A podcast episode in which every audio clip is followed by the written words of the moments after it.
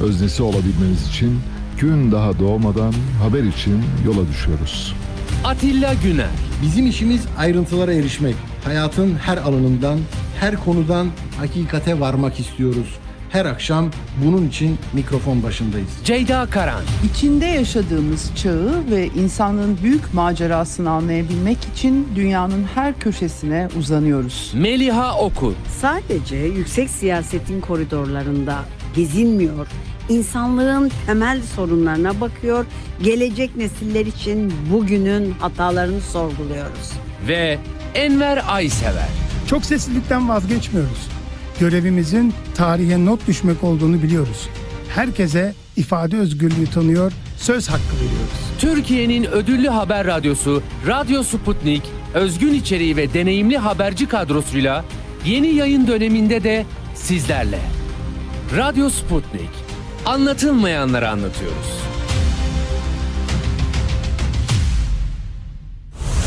Radyo Sputnik 5 merkezden karasal yayında. İstanbul 97.8, Ankara 96.2, İzmir 91, Bursa 101.4, Kocaeli 90.2. Karasal yayınlarımızın olmadığı yerlerde tr.sputniknews.com adresinden iOS ya da Android mobil cihazınızdan Sputnik News uygulamasını indirerek dinleyebilirsiniz. Radyo Sputnik. Anlatılmayanları anlatıyoruz. Sputnik Türkiye artık dünyanın en çok kullanılan sosyal ağlarından biri olan Telegram'da. Hala kullanmıyorsanız önce Telegram uygulamasını mobil cihazınıza yükleyin. Ardından Türkiye'nin Telegram kanalına katılın, güncel gelişmeleri ve objektif habere hızla ulaşın. Anlatılmayanları anlatıyoruz. Yolunda gitmeyen şeyleri görenler, yolu hedeften daha fazla önemseyenler, kervan yolda dizilir anlayışına itiraz edenler, yolda olmak, değişmek ve değiştirmektir diyenler. Doğru frekanstasınız. Enver Aysever mikrofon başına geçiyor, sizinle birlikte yolcu yolunda gerek diyor. Enver Aysever'le Yolcu Yolunda Gerek hafta içi her akşam 18.30'da Radyo Sputnik'te. Son dakika haberleri, canlı yayınlar, multimedya ve daha fazlası Sputnik Haber Ajansı'nın web sitesinde. Dünyanın küçük bir parçasını değil, tamamını anlamak istiyorsanız sputniknews.com.tr'yi tıklayın, habersiz kalmayın. Ali Çağatay'la Seyir Hali başlıyor. Güne erken başlayanların, gündemi ıskalamayanların, siyasetin, ekonominin, sanatın, kısacası hayatın seyrini kaçırmayanların programı. Ali Çağatay'la Seyir Hali hafta içi her sabah 7'den 9'a Radyo Sputnik'te. Radyo Sputnik'te seyir halindesiniz. İstanbul 97.8, Ankara 96.2, İzmir 91.0, Bursa 101.4 ve Kocaeli 90.2 frekansından bizi dinleyebilirsiniz.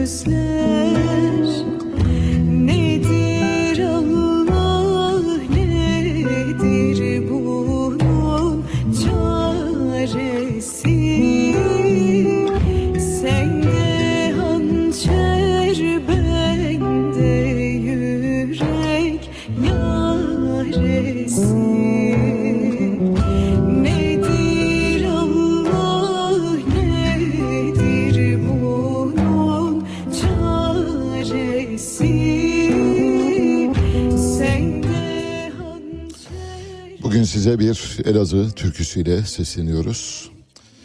Elazığ türküleri seçtik aslında esas itibariyle deprem bölgesine gönderme olsun diye. Oradaki acıları belki hafifletmeye bir parça da olsa katkısı olur diye düşündük. Size bugün Babil grubundan parçalar seçtik. Şu anda dinlemekte olduğunuz Elazığ türküsü bir Hicaz türkü ve Hıdır Karaduman'dan alınmış. Muammer Ketencoğlu'nun sihirli parmakları Aslı Duran'ın o duru sesine eşlik ediyor. Solist Aslı Duran. Babil grubu Ezgi Gürsel ve Aslı Duran'dan oluşuyor. Muammer Ketencoğlu da grubun koordinatörü durumunda. Ben kendisini çok severim Muammer Ketencoğlu'nu bu arada. Arapça, Azerice ve Türkçe şarkılar söylüyorlar. Birazdan ne feryat edersin ey divane bülbülü çalacağız size. Arkasından da bir Azeri parçayla veda edeceğiz. Küsüp gitti diyor. Başlıyoruz. Bugün itibariyle günün en önemli haberi tahmin edeceğiniz gibi Ahbap'la Kızılay arasındaki polemik.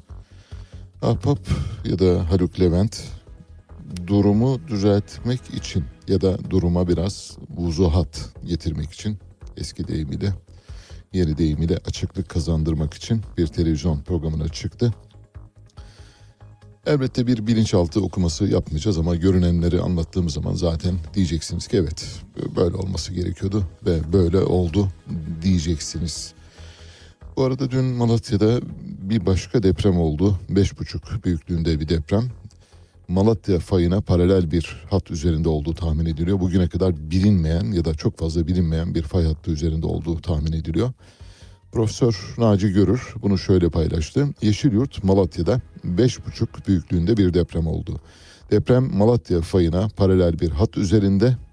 Doçent Doktor Cengiz Zapçı ve Profesör Doktor Ziya Çakır'la konuştum. Bu fay MTA haritasına çizilmemiş yeni bir fay olabilir. Ama daha önce olmuş 7.6'lık depremin bu bölgeyi yüklemesi sonucu olduğu da kesin diyor. İki ihtimal var. Birincisi daha önce ortaya çıkan depremin bu bilinmeyen az bilinen fayı yüklemesiyle ortaya çıkmış olabilir. Bu bir. iki bu fayın kendiliğinden harekete geçip yüklendiği enerjiyle herhangi bir nedenle yüklendiği enerjiyle kırılmış olabileceği tahmin ediliyor. Ölü var. Ee, Bir kişinin öldüğü biliniyor. Çok sayıda yaralı var yine. 60 dolayında yaralı var. Çöken binalar var. Böyle kağıttan karton binalar çöker gibi çöktü. gözlerimizin önünde o anda çekilen foto- fotoğraflar ve videolar var. Hakikaten e, dehşet verici bir tabloyla karşı karşıyayız. Yani Türkiye'nin ya da ülkemizin yeniden yıkılıp yapıldığı bir sürece tanıklık ediyoruz maalesef. Gözlerimizin önünde olup bitene sadece seyirci kalıyoruz. İşte insanın çaresiz kaldığı anlardan bir tanesi bu. Profesör Ahmet Ercan da bu depremle ilgili şöyle dedi. Malatya'daki 5.6'lık deprem sonrası bölgedeki artçı depremlerin büyüklüğü 6.7'ye kadar erişecek. Artçı depremler 3-4 ay sürecektir diyor. Yine gece saatlerinde gece saat 21 dolaylarında İzmir'de de 4.2'lik bir deprem meydana geldi. Hani böyle deyim yerindeyse Türkiye beşik gibi sallanıyor diyeceğiz ama hakikaten e, işin latifesini yapacak durumda değiliz maalesef ama her tarafta gelen e, haberler var ve Türkiye'nin dört bir tarafından hiç olmadık yerlerden gelen deprem haberleri var. Deprem bizim gerçeğimiz. Bu gerçeğimizde yaşamak zorundayız. Bunu biliyoruz ama bunun çok fazla farkında değiliz. Depremde yıkılan binalarla ilgili olarak birkaç rapor paylaşacağım şimdi. Bu raporları dinlediğiniz zaman diyeceksiniz ki başımıza gelenleri aslında hak etmişiz. Yani deprem var, depreme karşı önlem almamışız. Deprem bölgesinde yaşıyoruz. Normal herhangi bir ülkede yaşıyor gibi hareket etmişiz. Elbette başımıza bunlar gelecek. Hatta az bile geldiğini söyleyebiliriz. Yapı ve Zemin Laboratuvarları Derneği Başkanı Yavuz Poyraz, Türkiye genelinde hazır beton mikserlerinden alınan numunelerin %26'sının standarttan daha düşük özelliğe sahip olduğunu açıkladı. Yani her dört numuneden biri standart dışı diğerleri de idare eder noktada. Bu durumda tabii elbette standart dışı üstelik de 1999 depreminden sonra beton standardı çok sıkı biçimde denetleniyor. Bu sıkı denetlemeye rağmen eğer hala bunlar olabiliyorsa hala bu istismarlar olabiliyorsa gerçekten söyleyecek şey yok. Üstelik de beton e, mikserleri bilgisayar yoluyla uzaktan erişimle takip ediliyor. Yani o içeriğindeki su miktarı, e, çimento miktarı ve karışım miktarı giderken hareket halinde tespit ediliyor. Bu tespitlerin olmadığını görüyoruz. Demek ki onların hepsi sadece laftan ibaretmiş. Denetim adı var, kendi yok. Bence öyle. Türkiye raporda şöyle diyor Yavuz Poyraz. Türkiye'de yaklaşık 380 laboratuvar var. Bunların 320'si sadece beton testi yapıyor. Diğer 60'ı zemin değerleri inceliyor. Kaç tanesi standart değerin altında diye soruyoruz beton santralleriyle ilgili araştırmalar için. Elimizde 2022 verileri var. Öncelikle şunu belirteyim. Yapı Denetim Kanunu ilk geldiğinde standarttan düşük beton oranı Türkiye genelinde %40'ın üzerindeydi. Buraya lütfen dikkat edin. Yapı denetim kuralları gelmeden önce Türkiye genelinde beton standartları %40'ın üzerindeydi. Yani %60'ı iyiydi, %40'ı kötüydü. Şimdi giderek beton standartları geldikten sonra kalitesiz beton da artış var. %26'ya kadar düşüyor. Yani eskiden neredeyse yarısı iyi yarısı kötüyken şimdi dörtte biri ne kadar e, gerilemiş durumda. Bu elbette denetimin yeterince yapılmadığını gösteriyor maalesef. Denetim arttı, sahtecilik de onunla beraber arttı demek lazım. Her dört beton mikserinden birinin düşük standartlı beton taşıdığını anlıyoruz bu durumda. Dolayısıyla demek ki bir takibat yapılmıyor, bir soruşturma yok. Hatay'da 2019 yılında yapılan saha araştırması 525 binanın sadece 6'sının kurallara uygun olduğunu ortaya koydu. Dün Dünya Sağlık Örgütü Türkiye'deki depremin hasarıyla ilgili bir rapor açıkladı. Bu rapora göre Türkiye'deki deprem yani 11 ildeki deprem 34.2 milyar dolarlık bir zarara yol açmış durumda. Burada asıl üzerinde durmamız gereken konu şu. 11 ilde meydana geldi deprem. Zarar 34.2 milyar dolar. Bu zararın yarısı iki ilde Kahramanmaraş ve Hatay'da. Geri kalan 9 ilde bu zararın diğer yarısını paylaşıyor. Demek ki Hatay ve Kahramanmaraş'a çok özel bir önem gösterilmesi lazım. Elbette diğer kentlere de önem göstermek lazım. Elbette diğer kentlerin de üzerinde durmak lazım ama toplam zararın yarısının bu iki ilde meydana gelmiş olması bu konudaki dikkatlerin daha fazla çekilmesi için bir ayraç olabilir diye düşünüyorum. Dolayısıyla Hatay'da bugüne kadar yapılan denetimlerde 2019 yılında yapılmış bu denetim ve bu denetimlerde 525 binanın sadece altısının kurallara uygun olduğu ortaya çıkmış.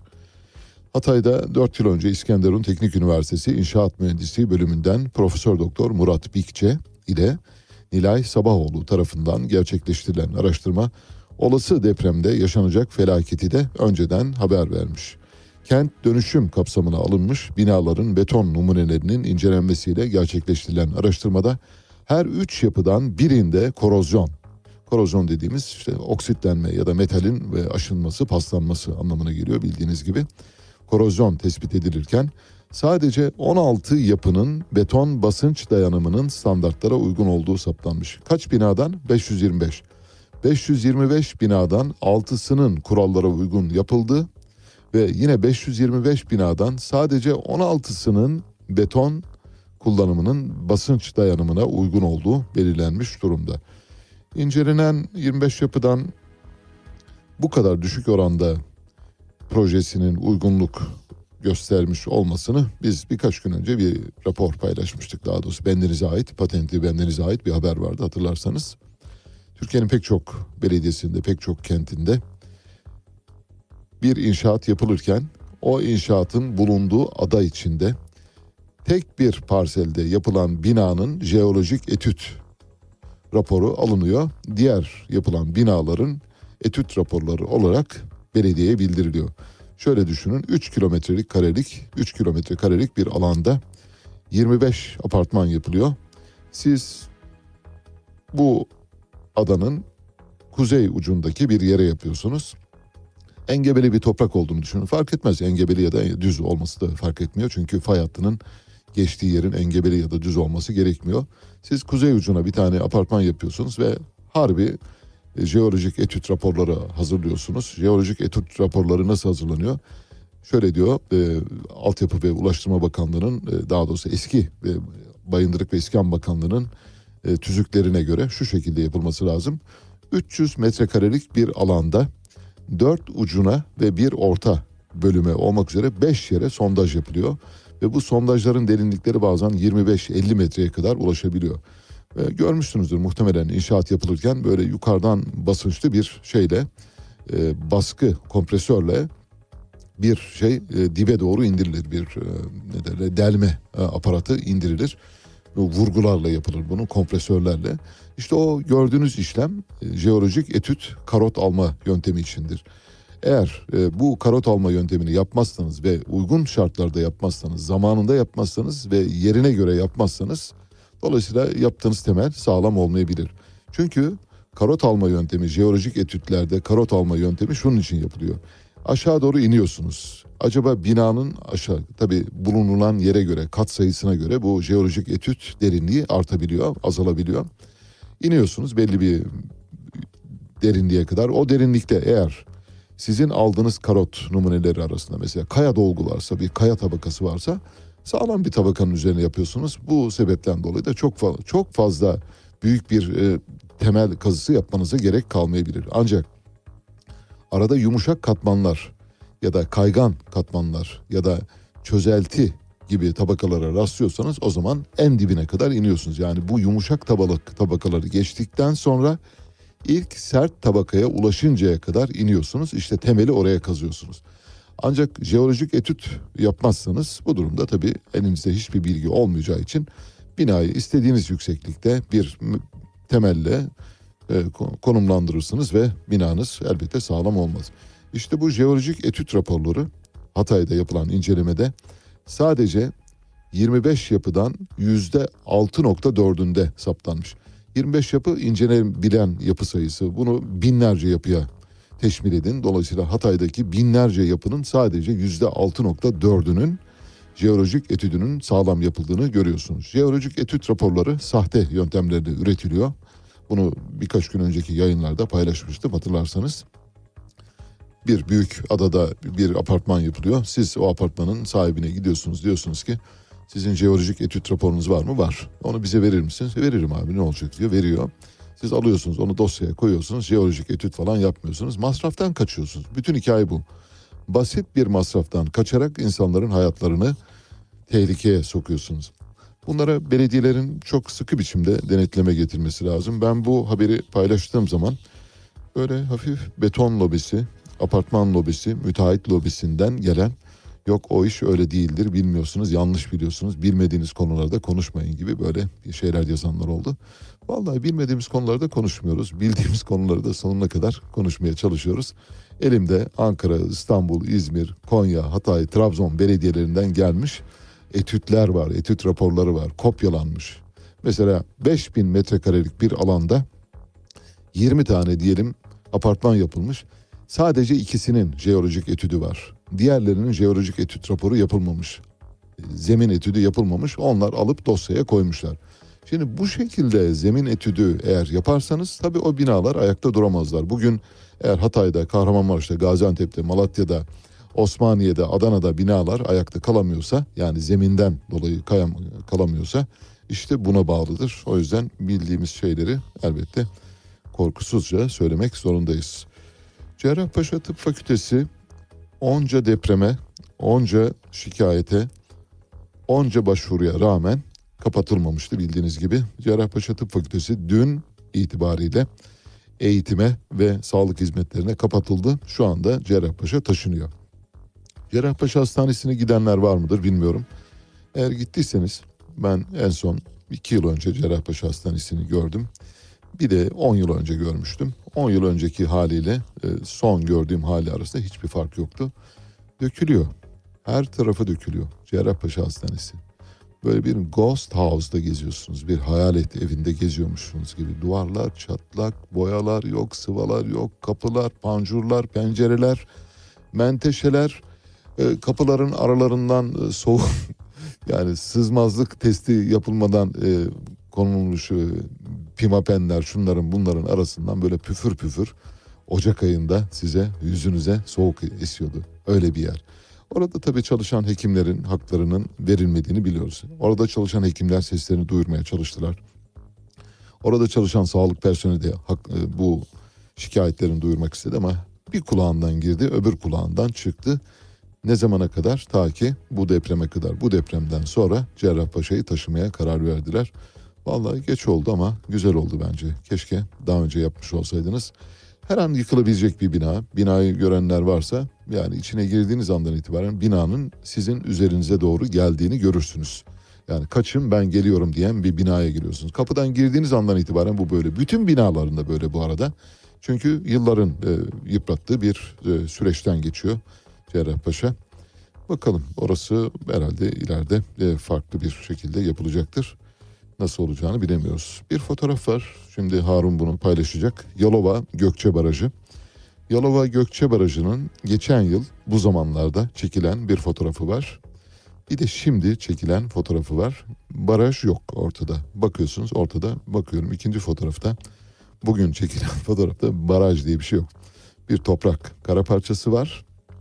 Engebeli bir kara parçası ve altında işte kumul ve humus toprağından oluşan bir toprağın e, üzerinde duruyor. Şu anda Yalova Gökçe Barajı tamamen çekilmiş durumda. Bu susuzluğun en temel somut göstergelerinden bir tanesi. Arda Turan bildiğiniz gibi uzunca bir süre İspanya'da top koşturdu. Barcelona ve Atletico Madrid forması giydi. Başarılı bir futbolcuydu. Türkiye yurt dışında başarıyla temsil etti. Şu anda da genç milli takımın başında, o genç milli takımların teknik direktörü olarak atandı. Arda Turan hakkında İspanyol makamları tarafından, İspanyol Vergi İdaresi tarafından bir vergi soruşturması başlatıldı. Arda Turan kazandığı paranın vergisini vermemiş, kaçırmış daha doğrusu. İspanya bu konuda son derece ne de ne diyelim yani kurallara çok uyan bir ülke. Futbolcuların bu konudaki istismarlarına göz yumuyor, yummuyor. Pek çok futbolcuya bu tür cezalar geldi. Messi'ye geldi. Pek çok futbolcuya geldi. Birazdan o isimleri tek tek size sayacağım. Şöyle e, İspanya'nın e, ünlü gazetelerinden Vaz Populi gazetesi savcılığın Arda Turan'ı 2015 ve 2016 yılları arasında 828 bin euro vergi kaçırmakla suçladığı belirtiliyor. Arda Turan'la ilgili 2021 yılında başlatılan soruşturmanın tamamlandığı ve savcılığın yaptığı suçlama sonrasında Barcelona'daki Esplugues 2 numaralı mahkemesinin dava açmak için ilk girişimde bulundu ancak anlaşma yoluyla dava açılmadan soruşturmanın kapatılabileceği kaydedildi. Yani sizi uzlaşmaya davet ediyor. Muhtemelen Arda Turan gidip uzlaşacaktır. Çünkü 2015'te 499 bin euro, 2016 321 bin, affedin 328 bin euro vergi kaçırmakla suçlanıyor. İspanyol gazetesi hesaplarda usulsüzlük olduğuna ilişkin 2015 yılında yetkili makamlarca Arda Turan'ın uyarıldığını, Arda Turan'ın ise ne yaptığını, bunu hiç ciddiye almadığını. Çünkü Türkiye'de işler böyle yürüyor. Türkiye'de de bu işler böyleydi abi. Merak etmeyin biz bu işi çözeriz demişlerdir. Şu anda Türkiye'de mesela vergi vermeyen kesimlerin başında futbolcular geliyor. Eğer siz zannediyorsanız ki vergi vermeyen kesimlerin başında iş adamları geliyor. Hayır bir numarada futbolcular geliyor. Futbolcular neredeyse hiçbir şeye ellerini sıcaktan soğuğa sokmadan transfer ücretini falan bonservisini her şeyini cebine alıyor koyuyor. Oynuyor gidiyor ondan sonra giderken de arkasına bile bakmıyor vergi vermiyorlar. Bir defa sözleşmeler resmi kayıtlarda gözüken sözleşmeler değil. Çok farklı sözleşmeler yapılıyor. İşte 100 alıyorsa 5 almış gibi gösteriliyor. Dolayısıyla 5'in vergisini veriyor. 95'ini kaçırıyor. Ancak İspanyollar bu işe çok fazla müsamahakar değiller. Şimdi Arda Turan muhtemelen İspanya'ya gidecek. Vergi mahkemesiyle bir uzlaşmaya varacak. Buna e, vergi daireleri biliyorsunuz bir uzlaştırma kurulu oluşturuyorlar. Geliyor oturuyor masaya. İşte toplam borcunuz nedir? 828 bin euro. Bir orta noktası bulunuyor. İşte aradan geçen zamanda hesaplanarak vergi dairesinin kaybı da hesaplanarak örneğin 700 bin euro olabilir ya da işte bir oran belirlenir o orana göre ödeyecek. İspanya'da bu konuda çok canı yanan futbolcu var. Mesela Cristiano Ronaldo da vergi kaçakçılığı soruşturması geçirdi. Lionel Messi keza aynı şekilde soruşturma geçirenlerden. Xabi Alonso yine bu cezaya maruz kalanlardan biri. Marcelo öyle. Radamel Falcao, Angel Di Maria, Luka Modric, Javier Mascherano ve teknik direktör, teknik direktörlerin teknik direktörü Jose Mourinho da yine vergi kaçırdığı için İspanyol makamları tarafından sigaya çekilmiş kişilerden birkaçı Arda Turan en sonuncu. Demek yani futbolcularda olan bir şey değil bu. Futbolcular tabii çok kazanıyorlar. Özellikle reklam gelirleri. Zaten İspanyol vergi mahkemesi de reklam gelirlerinden yola çıkarak daha çok sözleşme ücretlerinden değil. Türkiye'de hem sözleşme ücretlerinden kaçırıyorlar hem reklam gelirlerinden kaçırıyorlar hem sponsorluk gelirlerinden kaçırıyorlar. Yani futbolcular Türkiye'de geneli kapsayacak şekilde söylemiyorum lütfen ve e, mazur görün. Hiçbir konuda genelleme yapmıyoruz biliyorsunuz ama Türkiye'de futbolcuların çok önemli bir bölümünün vergi kaçırdığını biliyoruz. Teknik direktörlerin yine ya aynı şekilde vergi kaçırdıklarını biliyoruz. Futbol kulüplerinin vergi kaçırdıklarını biliyoruz. Hatta futbol kulüplerinin bankalardan aldıkları kredileri ödemediğini de biliyoruz. Bankalar bildiğiniz gibi büyük kulüplerin özellikle hepsinin var da büyük kulüplerin çok fazla borcu var. Borçlarını iki kez yapılandırmak zorunda kaldı. Yapılandırmak nedir? Vergi e, borç yapılandırması. Ödeyemiyorsunuz. Bankaya gidiyorsunuz diyorsunuz ki abi ben borcumu ödeyemeyeceğim. Peki ne yapacağız? E işte bunu yayın zamana yayın. Biraz da faizini düşürün. Peki diyorlar. Örneğin iki yıl vadeli olan borcunuzu dört yıla yayıyorlar.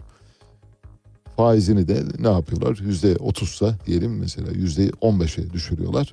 Siz yine ödeyemiyorsunuz. Muhtemelen ödeyemeyecekler. Zaten şu anda ödenemiyor. Türk futbol kulüpleri bütün Avrupa kupalarını toplasalar önümüzdeki 10 yıl içinde bütün federasyon kupalarını toplasalar bütün özel turnuvalardan para kazansalar bile bu borçlarını ödeyebilecek durumda değiller. Böyle bir gelirleri yok. Söylüyorum net. Peki böylece bu bahsi de kapatmış olduk. Kuzey ormanlarında Şubat ayının ortasında orman yangını çıktı. Çok manidar. Ama belli bir sebebe dayalı olup olmadığını bilmiyoruz. Sadece yangın olduğunu biliyoruz. Sakarya Karasu ilçesi Aziziye mahallesi Küçükboğaz mevkiinde çıkan ve rüzgarın etkisiyle yayılan yangın itfaiye ve orman ekiplerinin 3 saatlik müdahalesiyle söndürüldü. Toplamda 100 dönüm alan kül oldu. Yüksek Seçim Kurulu deprem bölgesinde incelemelerde bulunuyor. Yüksek Seçim Kurulu Başkanlığından yapılan açıklamada şöyle denildi. 6 Şubat 2023'te Kahramanmaraş'ın Pazarcık ve Elbistan ilçeleri merkezi 7.7 ve 7.6 büyüklüğünde meydana gelen depremler 20 Şubat 2023'te Hatay'ın Defne ilçesi merkezi 6.4 büyüklüğündeki depremin ardından Yüksek Seçim Kurulu Başkanlığı tarafından görevlendirilen heyetler 11 ili kapsayan deprem bölgesinde bugün itibariyle yani dünden bahsediyor incelemelerde bulunacaktır diyor. Şu anda deprem bölgesinde incelemeyi sürdürüyor. Niçin yapacaklar incelemeyi? Bu bölgede seçim yapılabilir mi? Bu bölgede sandık konulabilir mi? Bu bölgede sandık konulamayacaksa bu bölgedeki seçmenler oylarını nerede nasıl kullanabilirler? Adrese dayalı sistem gereğince yeniden bir adrese dayalı belirleme yapılması gerekecek. Elbette Yüksek Seçim Kurulu bu bölgenin seçim kapsamından çıkarılmasını da teklif edebilir. Böyle bir yetkisi var. Muhtemelen yani böyle bir yetkisi var ama bunu kullanır mı kullanmaz mı bilmiyoruz ama muhtemelen şöyle olacak diye düşünüyoruz. Bir süre sonra işte bu illerde seçim yapılamayabilir seslerinin çıkacağını tahmin ediyoruz. 11 ili dışarıda bırakacak şekilde. Bu da şuna yol açar. Seçimlerin genelliği ilkesine bir gölge düşürür. Çünkü hem parlamento seçimi var hem cumhurbaşkanı seçimi var.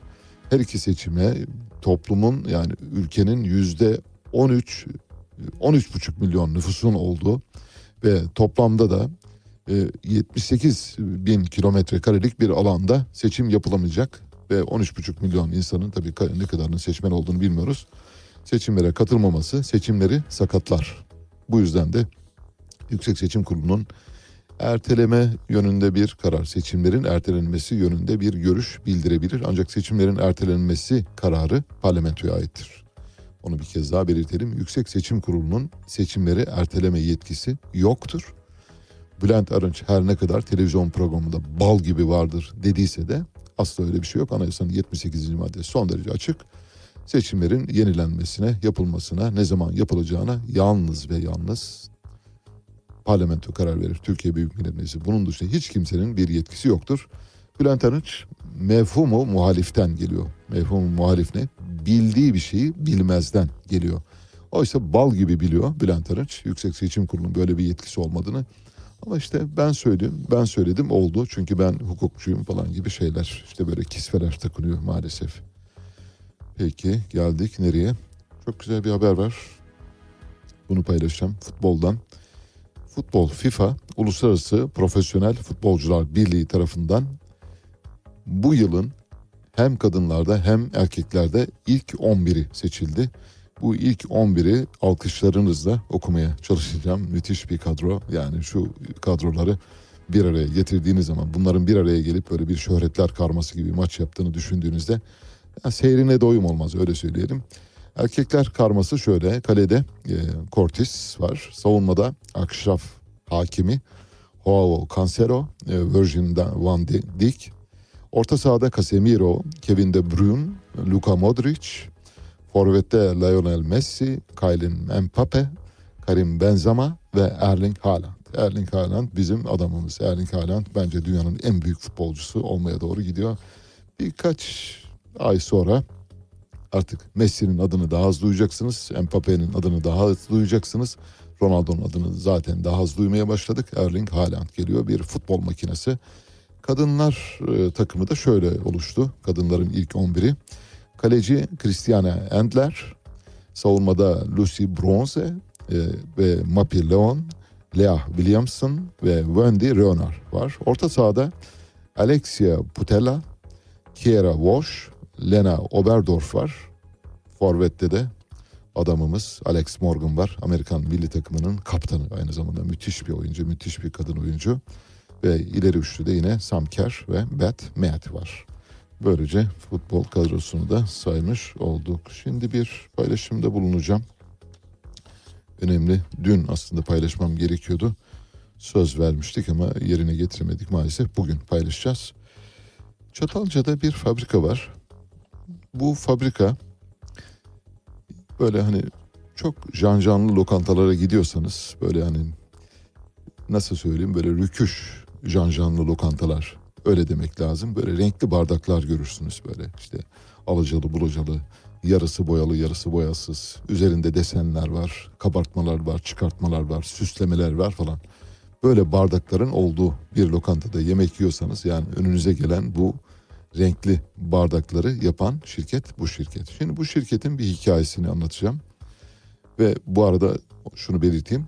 Söz konusu şirket söz konusu desenli, kabartmalı, boyalı, süslü bardaklarda tekel. Yani Türkiye'deki en büyük firma. Ondan daha büyüğü yok.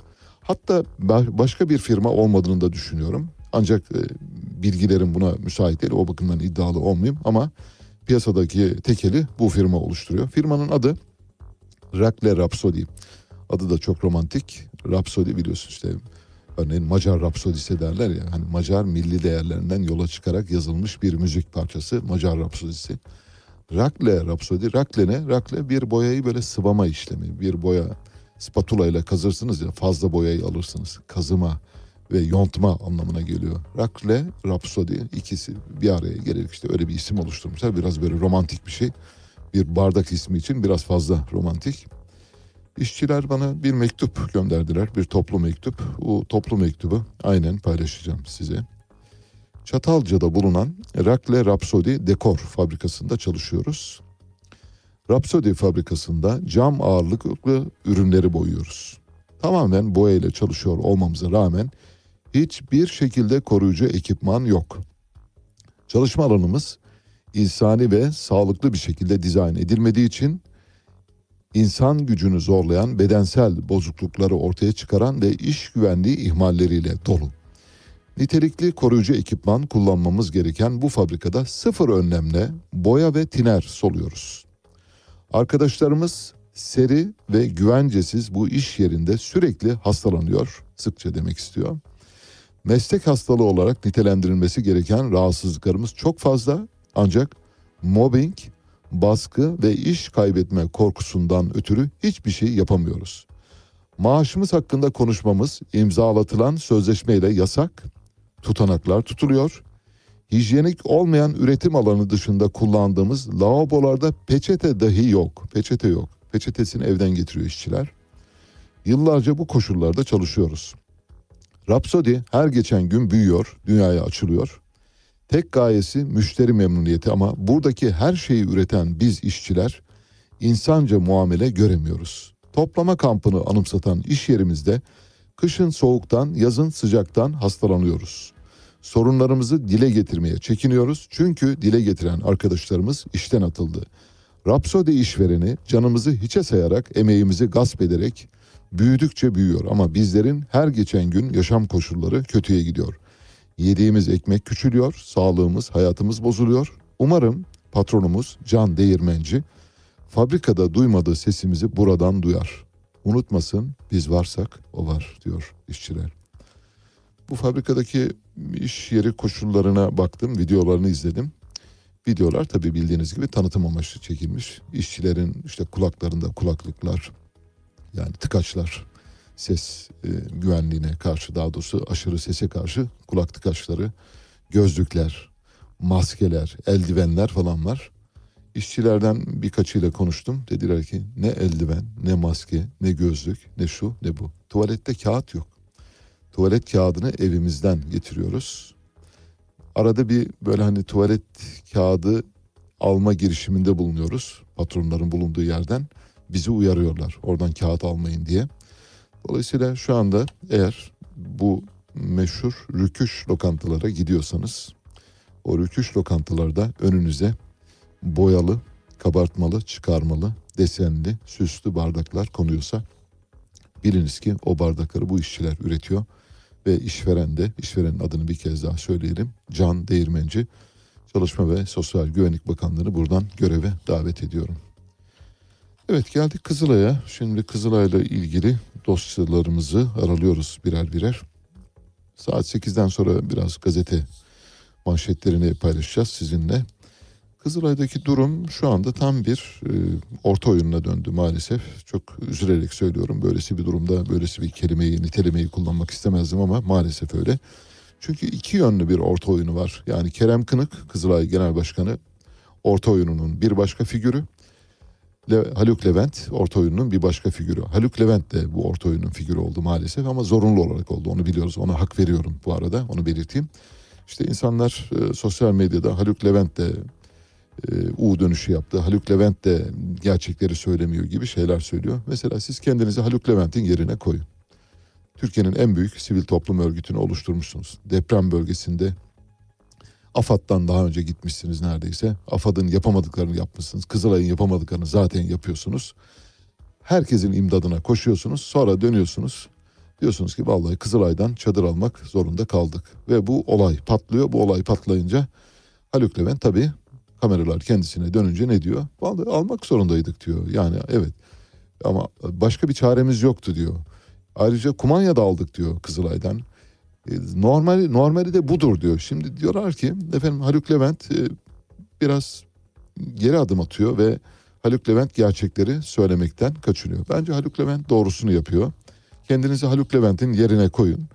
Bütün e, mercekler size yöneltilmişken siz çıkıyorsunuz bir televizyon programına.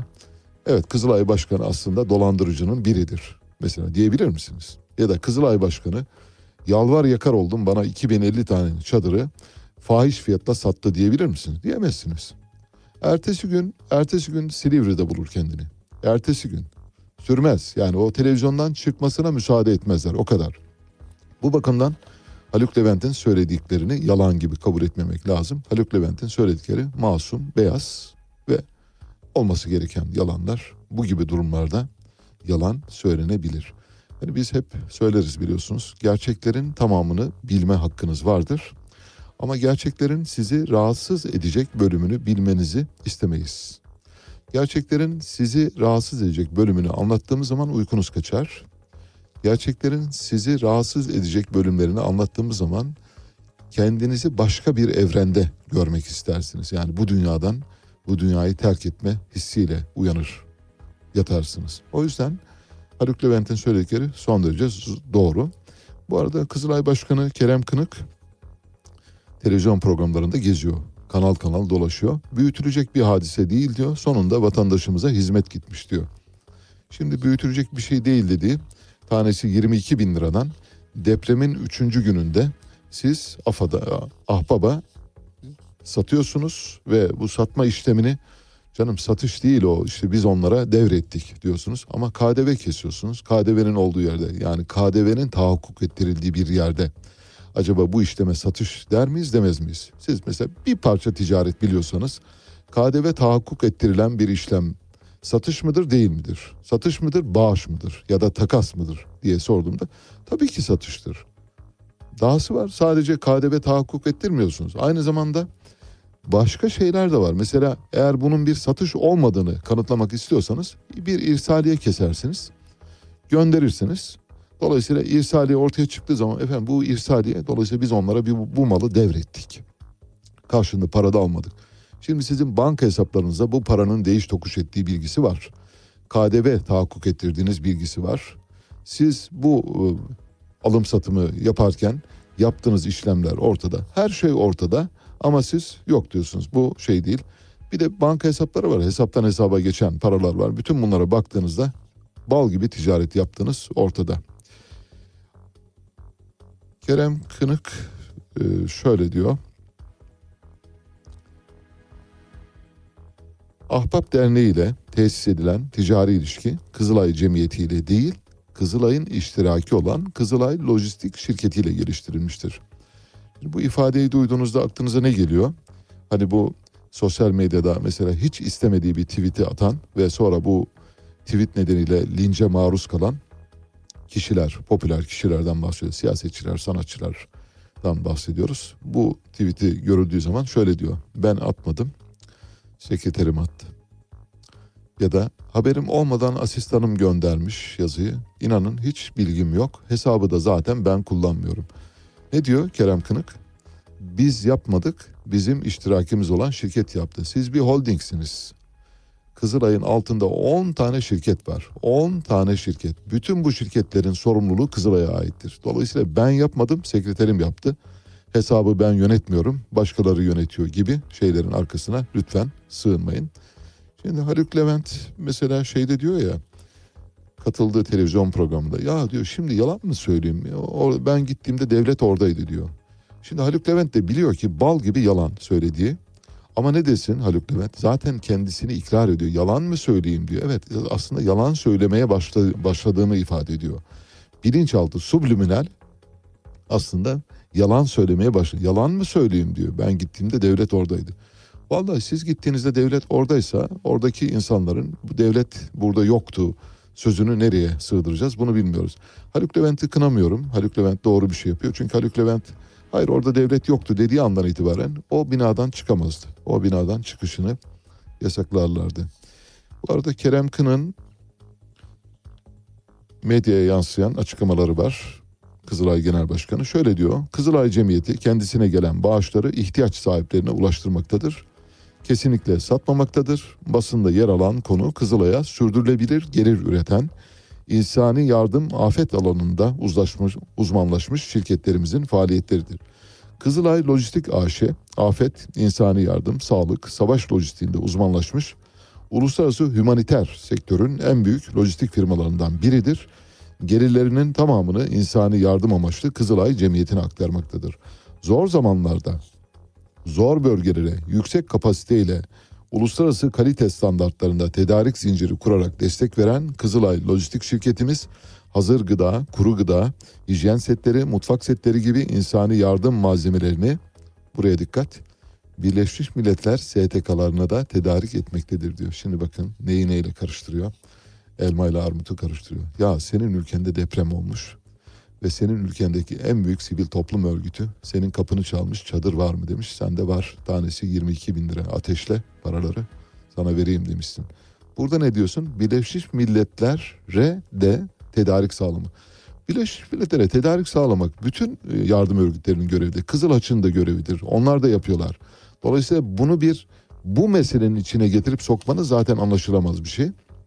Biz bu malzemeleri Birleşmiş Milletler STK'larına da sunmaktayız, tedarik etmekteyiz diyor. Doğru ama senin memleketinde, yangın senin memleketinde olmuş. Senin memleketinde, memleketinin yüzde onu yanmış, yıkılmış. 13,5 mi- milyon insan tuvalet bekliyor, yemek bekliyor, su bekliyor, çadır bekliyor, e, karavan bekliyor, konteyner bekliyor, yardım bekliyor, bir güler yüz bekliyor ama siz çadırları tanesi 22 bin liradan ahbaba ateşliyorsunuz, satıyorsunuz. Şöyle soruyor, e, dün Fox TV'ye çıktı. İlker Karagöz, Fox TV'deki arkadaşımız şöyle sordu. Dedi ki o depoda depremin üçüncü gününde çadır olduğunu duyduğunuzda ne düşündünüz? Şimdi bak çok güzel bir şey soruyor. Diyor ki, o depremde sizin orada çadırınız olduğunu biliyor muydunuz diye.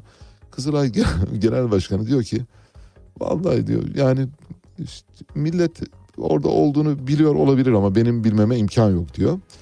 Ee, Haluk Levent'e de soruyor e, bunu. Şöyle diyor Haluk Levent. Şaşırmaya vaktim var mı diyor. Sevindim, üzülmedim diyor. Çünkü yüzlerce insan beni gördüğünde sarılıyor, çadır istiyor. AFAD'ın benden önce verdiği çadırlar var. AFAD emin olun 30 bine yakın çadır dağıttı. Biz daha bir tane çadır dağıtmamıştık. AFAD devlet ama biz de dağıtalım.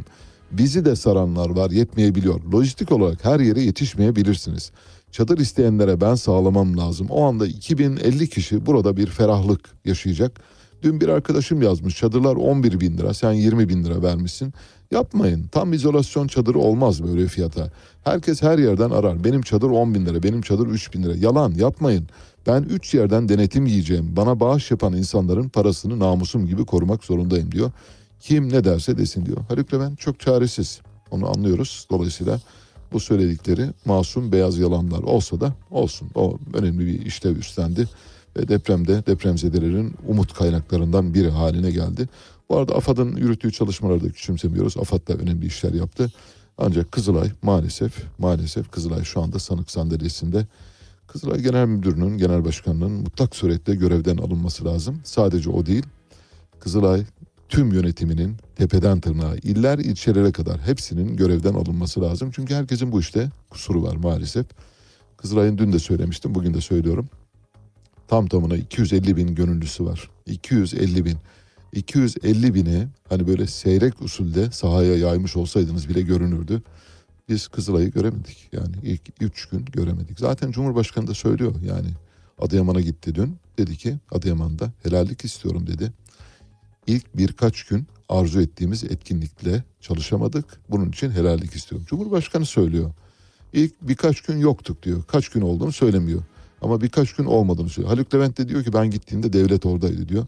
Vallahi bilmiyoruz. Sizin gördüğünüz devlet bizim gördüğümüz devlet mi? Onu bilemiyoruz. Dolayısıyla söyleyecek şey bulamıyoruz. Evet yavaş yavaş saat başına gidiyoruz. Size bugün Babil'den parçalar seçtik. Elazığ parçaları seçtik. Şimdi dinlemekte olduğunuz parça Ne Feryat Edersin Divane Bülbül.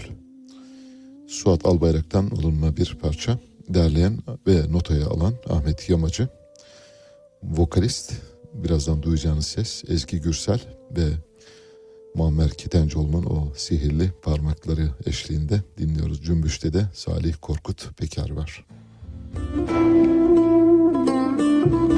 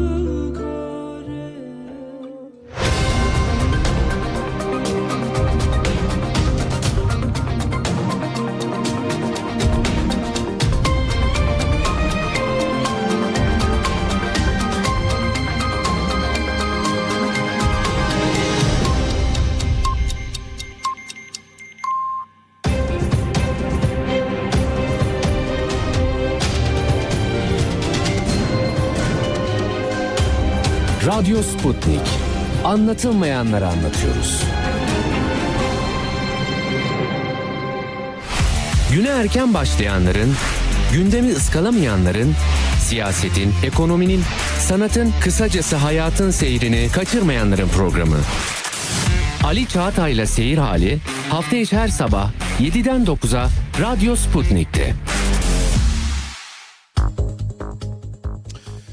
Evet yeniden birlikteyiz. Kızılay bahsiyle devam edeceğiz. Oradan futbola geçeceğiz. Çünkü futbolda da karma karışık bir durum var. Bildiğiniz gibi e, Fenerbahçe ve Beşiktaş e, statlarında taraftarların hükümet istifa sloganları sonrasında Devlet Bahçeli'nin yaptığı çıkış var. Devlet Bahçeli bunların cezalandırması gerektiğini söyledi ve gerekirse maçların seyircisiz oynatılması gerektiğini ifade etti. Arkasından Alaaddin Çakıcı devreye girdi. Alaaddin Çakıcı bu durumu kınadığını belirtti. O da böyle hafif tehditvari bir mesaj yayınladı. Bütün bunları sizinle paylaşacağız.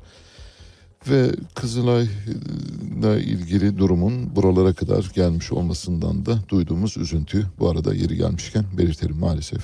Yani buralara kadar neden geldiğini hakikaten anlamakta çok zorlanıyoruz. Orada insanlarımız hayat memat meselesi canıyla uğraşırken ölülerine dahi yas tutamazken bu kadar büyük acıları yaşarken biz burada futbol seyircili mi oynansın seyircisiz mi oynansın ya da futbol liglerini yasaklayalım mı yasaklamayalım mı? Hangi kulüpler acaba e, bu konuda bir açıklama yapacak? Hangi kulüpler acaba ne diyecek? Hangi teknik direktör ne söyleyecek gibi böyle bomboş anlamsız saçma sapan şeylerle uğraşıyoruz maalesef ama gündemimiz bu. Yani bizi bu gündemin içine maalesef sokuyorlar. Yani bizim yapabileceğimiz bir şey olmadığı için elbette ister istemez işin içinde buluyoruz kendimizi e, havuza itilmiş gibi görüyoruz maalesef.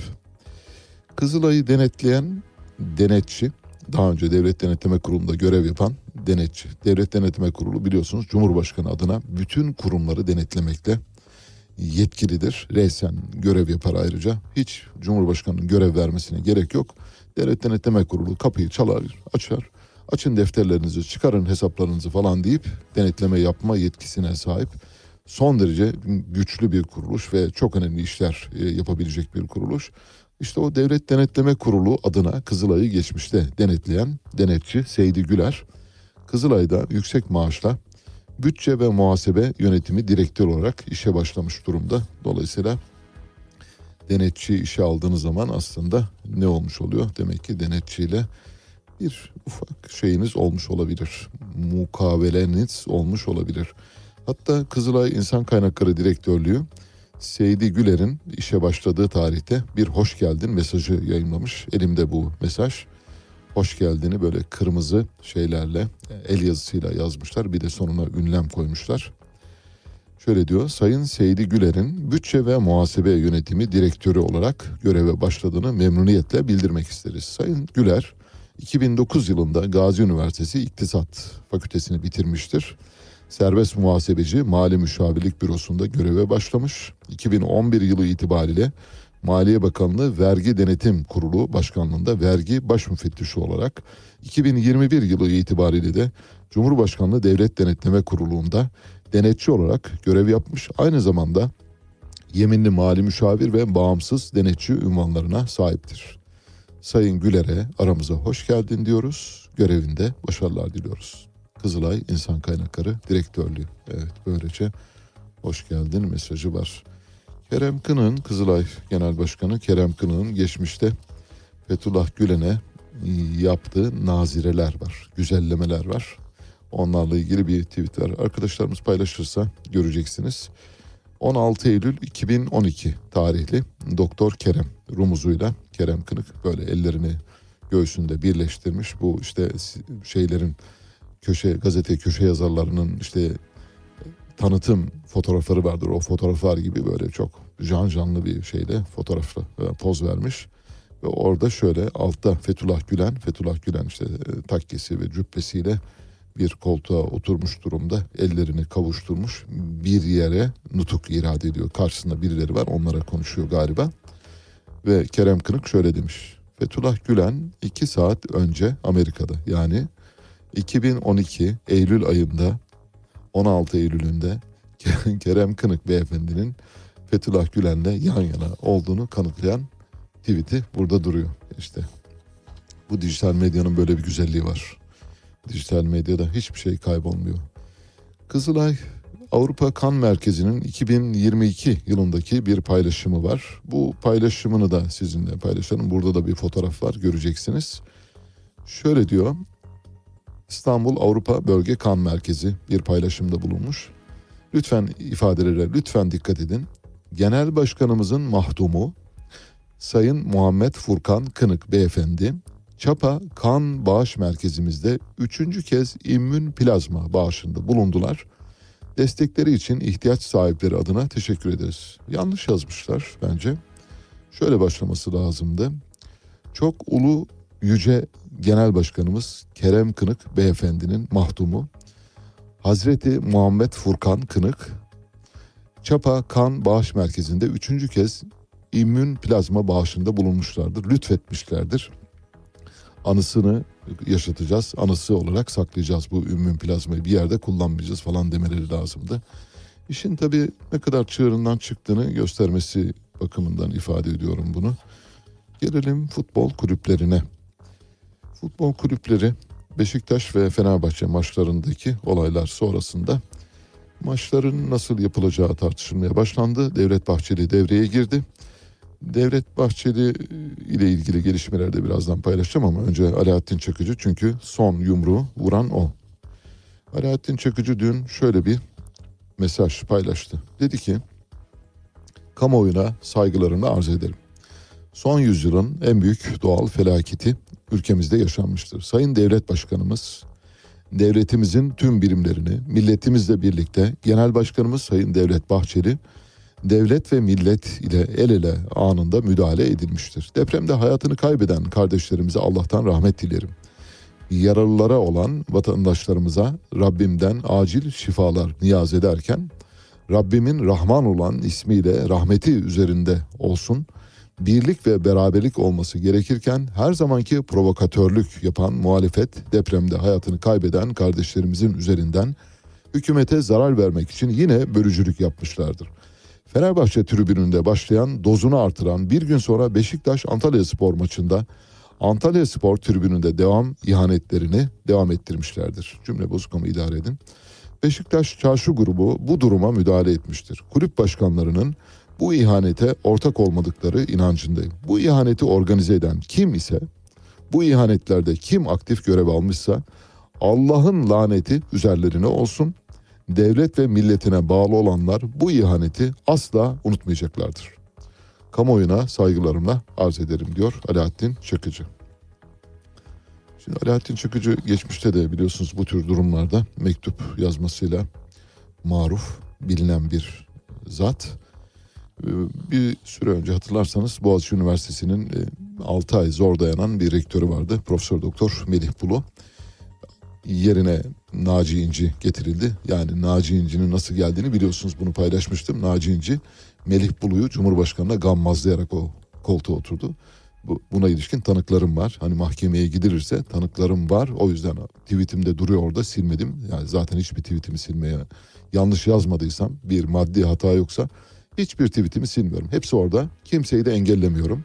83 bin takipçim var. Tek bir kimseyi engellemiyorum. İsteyen istediğini söyleyebilir. Her şeyi yazabilirsiniz. Her şeyi söyleme hakkınız var. Fark etmez çünkü içinizi boşaltıyorsunuz. Olabilir. Ben, benim de e, hoşunuza gitmeyen bir e, şeyim olabilir, hareketim olmuş olabilir. E, yapabilirsiniz. Bunu, bu konuda açık çek veriyorum. O konuda sakın şeyde bulunmayın. Elinizden geleni e, bırakmayın.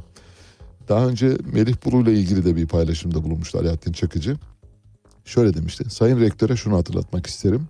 Sakın istifa etmeyiniz. İstifa ederseniz bu terörist eylemcilerin önünü açarsınız. Bu kutlu ittifakta gedik açmaya hakkınız yok dedi. Alaaddin Çakıcı bu mektubu gönderdikten birkaç gün sonra Melih Bulu ne yaptı? Tası tarağı toplayıp gitti. Demek ki her şey istenildiği gibi olmuyormuş. Şimdi futbol kulüpleri sıraya girdi. Beşiktaş ve Fenerbahçe maçlarındaki olayları kınayan bildiriler yayınladılar. Hangi kulüpler yayınladı derseniz o kulüpleri tek tek sayacağım. Bildirilerini değil sadece kulüplerin adını e, anımsatacağım. Bir tanesi Demir Grup Sivas bir açıklama yayınladı. Başakşehir bir açıklama yayınladı. Ümraniye Spor'un bir açıklaması var. Yine Beşiktaş ve Fenerbahçe maçındaki olaylara karşı. Başka? Malatya Spor'un bir açıklaması var. Bakıyorum. Konya Spor'un bir açıklaması var. Ve en sonunda Kulüpler Birliği bir açıklama yaptı. Şimdi bu saydığım kulüpler dışında şu ana kadar Fenerbahçe ve Beşiktaş maçlarındaki olayları telin eden başka bir kulüp yok. Futbol kulüplerinin diğerleri şunu yaptılar.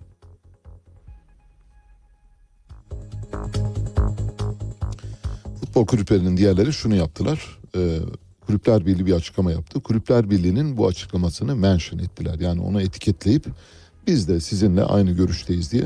Dolayısıyla bir açıklama yapmaktan hem kurtulmuş oldular. Yani e, söz konusu diğer kulüpler gibi telin edici bir açıklama yapmadılar. Zaten yapamazlar. Şimdi yapan mesela Fenerbahçe Beşiktaş. Beşiktaş kendi kendini mi telin etsin? Fenerbahçe kendi kendini mi kınasın? Ne yapsın mesela?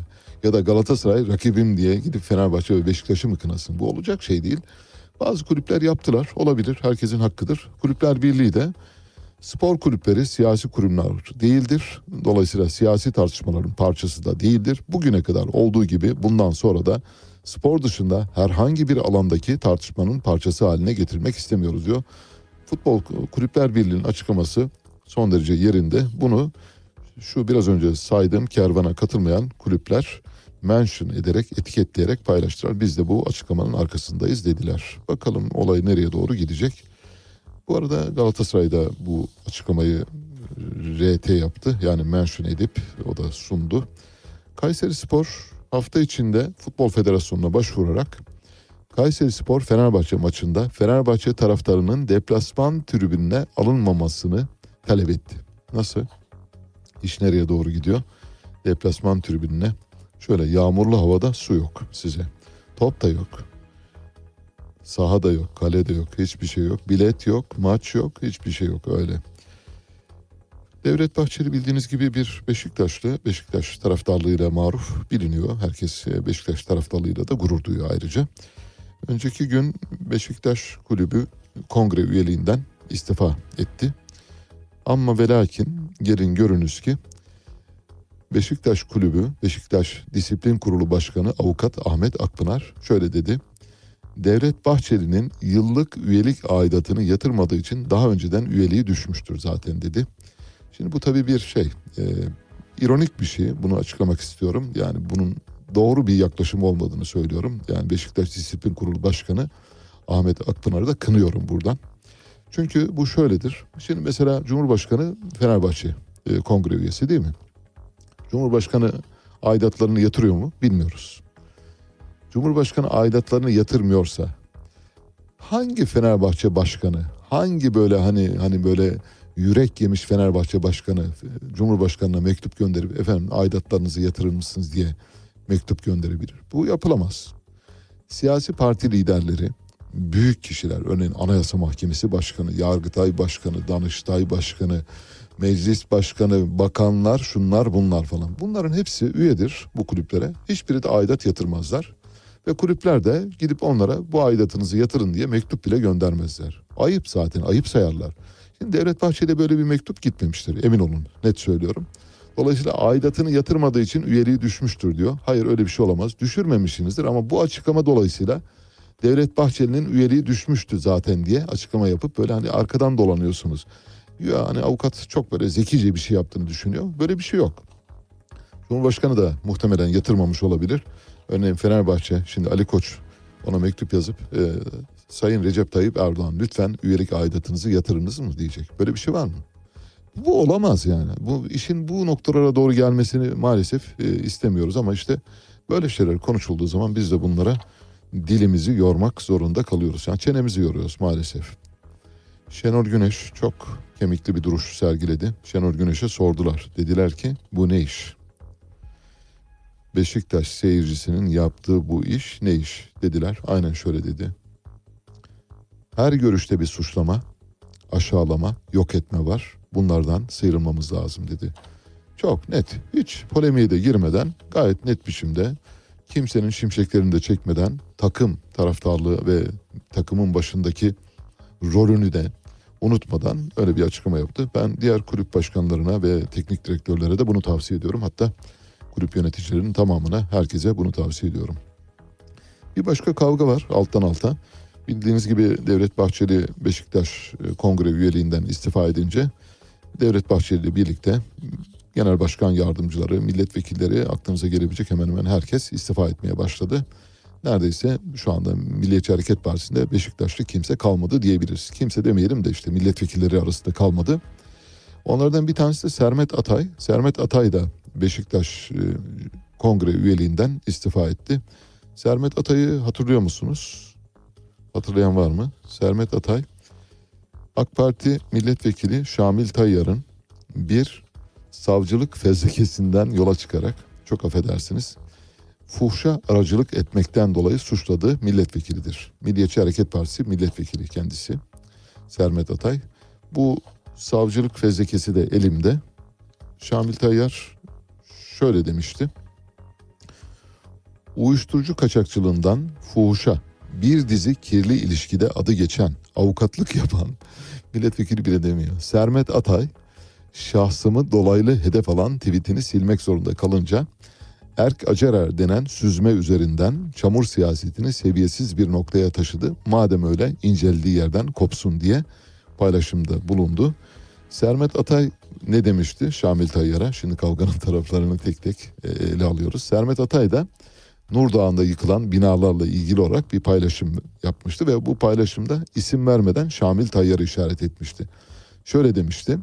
Her olayı takip edip tweet atan şehrimizin ünlü siyasetçisi Şamil Tayyar ondan milletvekili diye bahsetmiyor. Sermet Atay da Şamil Tayyar'dan milletvekili diye bahsetmiyor. Şehrimizin ünlü siyasetçisi. Nur Dağı'nda en fazla ölüme sebebiyet veren müteahhit siyasetçiyi takip etsene. Bu konuda senden tweet bekliyoruz. Korkma zaten emniyet adliye gereğini yapacak. Ucu nereye giderse gitsin devlet hesap soracak. Hadi bekliyorum diyor. Şamil Tayyar'la Sermet Atay arasındaki kavga da böylece bambaşka bir noktaya doğru gidiyor. Elimde savcılık fezlekesi var. Gaziantep 8. Asliye Ceza Mahkemesi'nde 15 Temmuz 2010 tarihinde verilmiş olan bir fezleke. Bu e, iddianame daha doğrusu. Şöyle diyor iddianamede mağdurları saymış. İsimlerini tek tek saymayalım. 4 Rus ve Türkiye Cumhuriyet orijinli olduğunu zannettiğim dört kadın var. Onlardan bahsediyor. İsimlerini vermeyelim. Sanıklar arasında 8 numaralı sanık Sermet Atay. Yani Şamil Tayyar'ın adını vermeden, milletvekili olduğuna değinmeden avukatlıkta yapan dediği Sermet Atay'dan bahsediyor. Kavga çok farklı yerlere doğru gidiyor maalesef. Evet, peki Ekrem İmamoğlu şimdi çok küçük bir ara verelim. İSKİ ile ilgili bir dosya paylaşacağım birazdan. E, zaten süreç Osman Kavala'nın tutukluluğunun sürdürülmesi üzerine kurulmuş. Aynen. Bu tutukluluk devam etmesi için hukuka karşı verilen bir mücadele haline girmiş durumda. Merkez Bankası'nın son aylarda izlemiş olduğu para politikası doğrudan enflasyonda bu sıçramaya yol açtı. E, yani ve de, devamı da gelecek. ülkeyi aslında öyle yönetiyorlar ki adeta koca bir survivor oyunu gibi. Bugün için önemli olan husus Türkiye'de bu sistemin değişmesidir. Bu sistem yani Cumhurbaşkanlığı hükümet sistemi Evet. maalesef uygulama aşamasında kağıt üzerinde durduğu gibi durmadı. Ali Çağatay'la Seyir Hali hafta içi her sabah 7 ile 9 arasında Radyo Sputnik'te.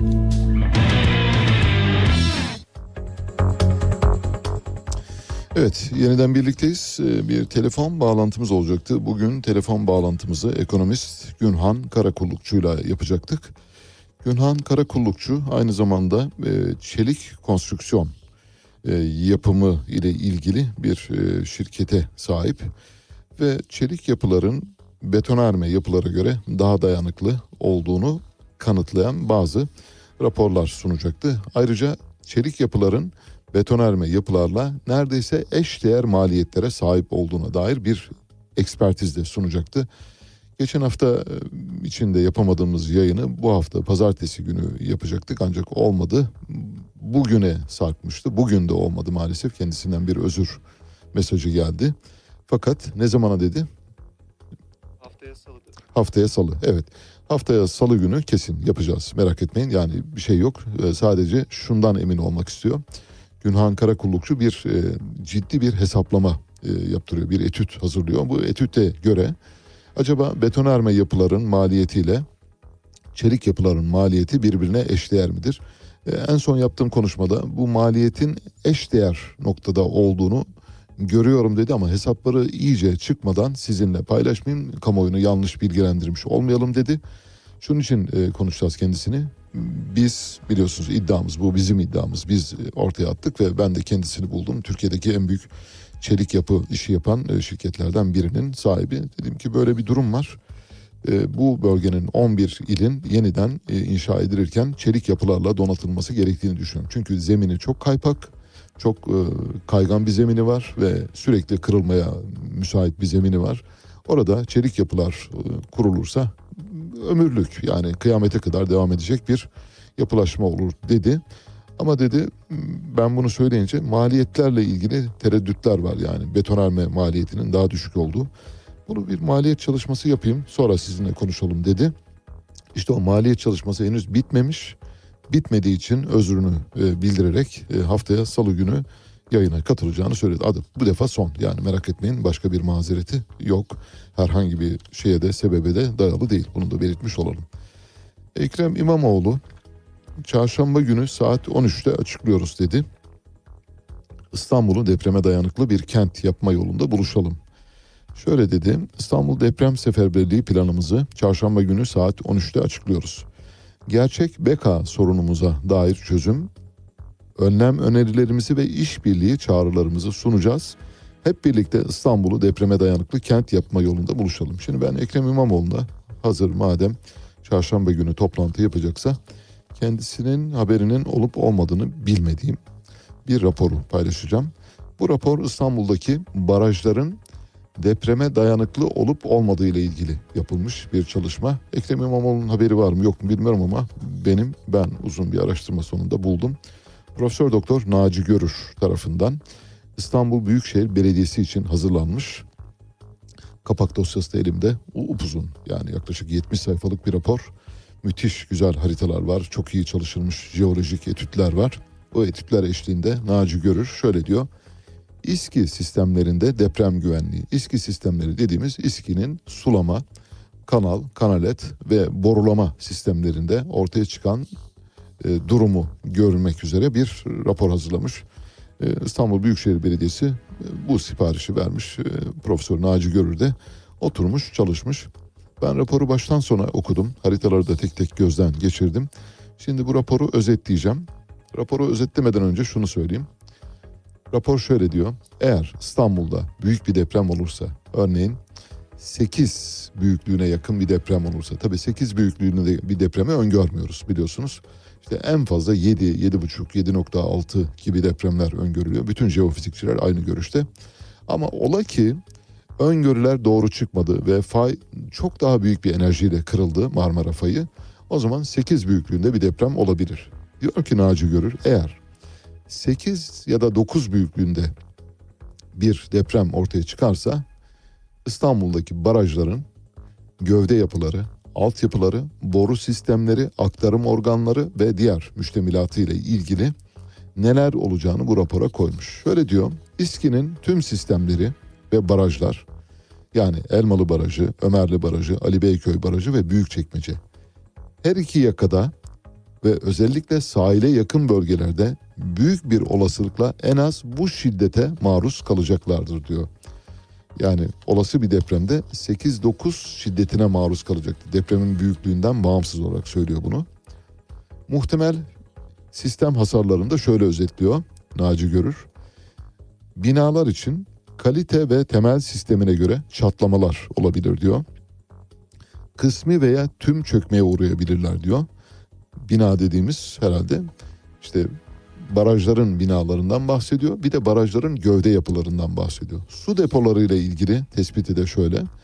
Su depolarının duvarlarında çatlama, boru girişlerinde hasar, kısmi ve toplam yıkıntı görülebilir diyor. Boru sistemlerinde ne olabileceğini de etüt etmiş. Zemindeki deformasyonlar nedeniyle gömülü borularda hasar oluşur. Görece çürük zeminlerde hasar çok fazla oluşacaktır. Esnek borularda yani PVC, çelik ve benzeri borularda hasar rigid olanlara göre yani beton, demir, asbestten yapılmış olanlara göre daha azdır. Demek istiyor ki eğer borularınız PVC ya da çelikse diğerlerine göre daha az hasar görecek. Ama biz İstanbul'daki boruların çok önemli bölümünün beton, demir ve asbest çimento olduğunu biliyoruz. Ne demek istiyor? Dolayısıyla daha çok hasar görecek. Bunlar çok çabuk kırılabilir diyor. Sıvılaşmaya müsait zeminlerde borular çoğunlukla tahrip olabilir diyor yine. Muhtemel sistem hasarlarından bahsediyor Naci Görür İstanbul'daki barajlarla ilgili. Sığ gömülmüş geniş borular daha küçük borulara göre daha fazla hasar görür. Yıkılan binalara yakın olan boruların tahrip olma olasılığı fazladır. İçme ve kanalizasyon sularının karışma riski vardır diyor. Borular eğer yüzeydeyse ve geniş borularsa, çapı geniş borularsa bu boruların hasar görme ihtimali çok yüksek. Ve bu borular hasar gördüğü takdirde içme suyuyla kanalizasyon suyu biliyorsunuz yan yana gider. Ee, şeyde şehir hattında şebekede yan yana yolculuk ederler. Aynı yerden girilir onların şeylerine, dehlizlerine.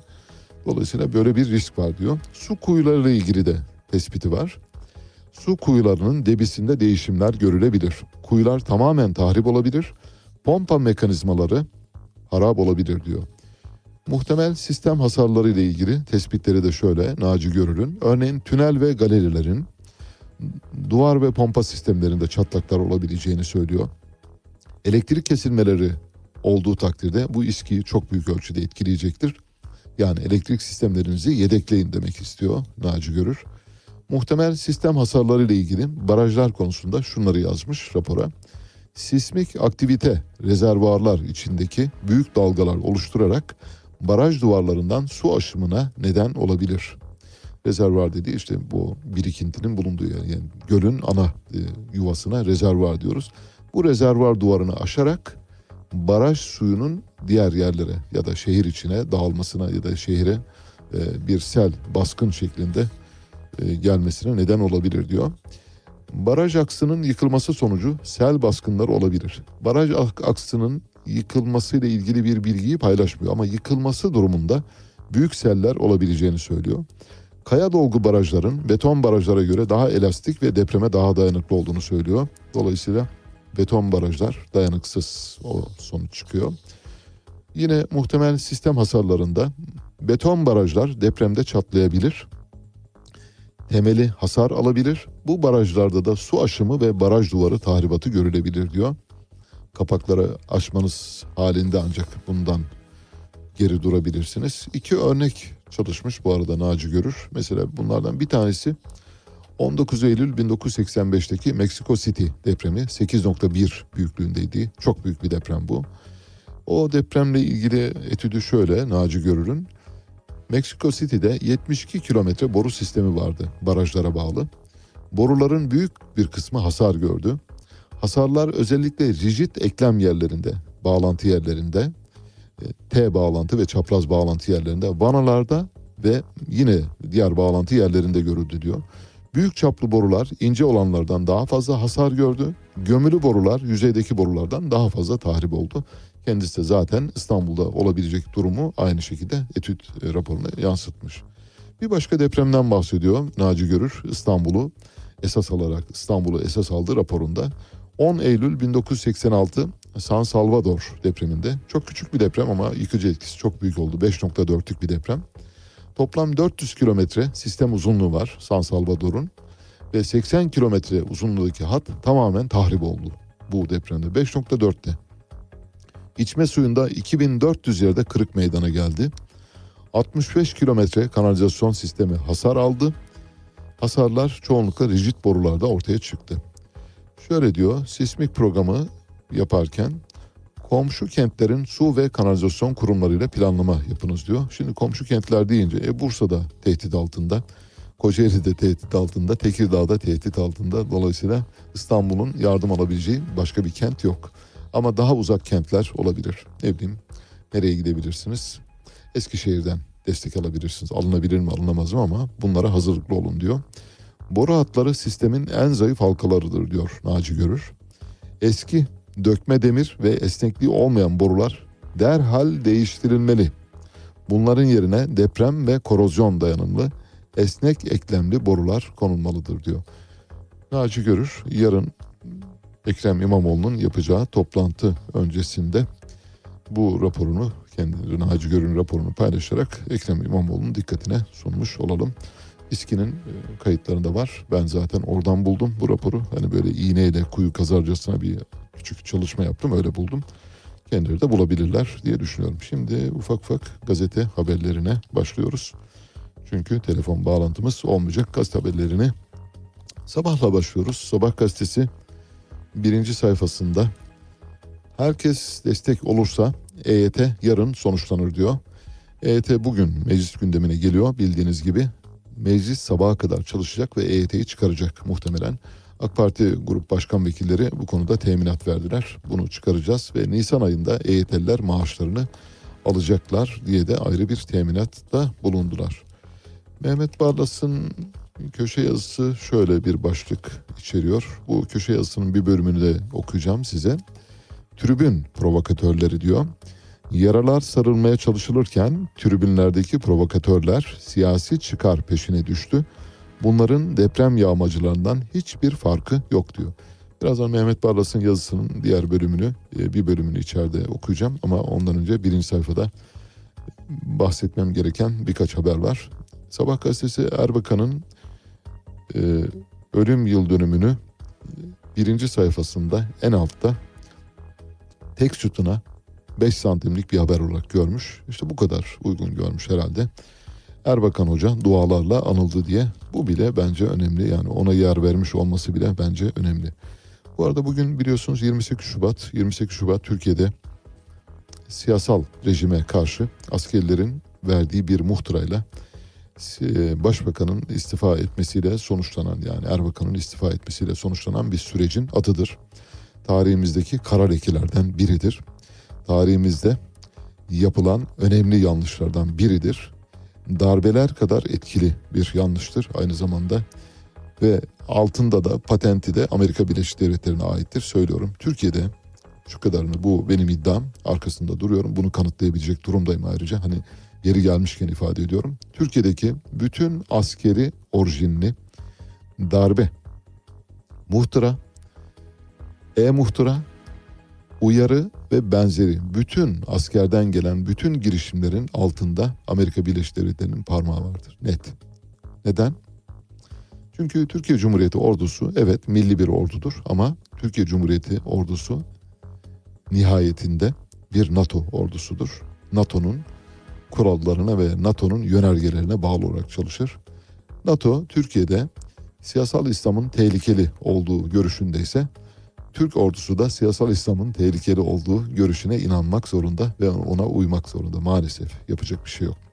Hani emir demiri keser derler ya o sebepten dolayı.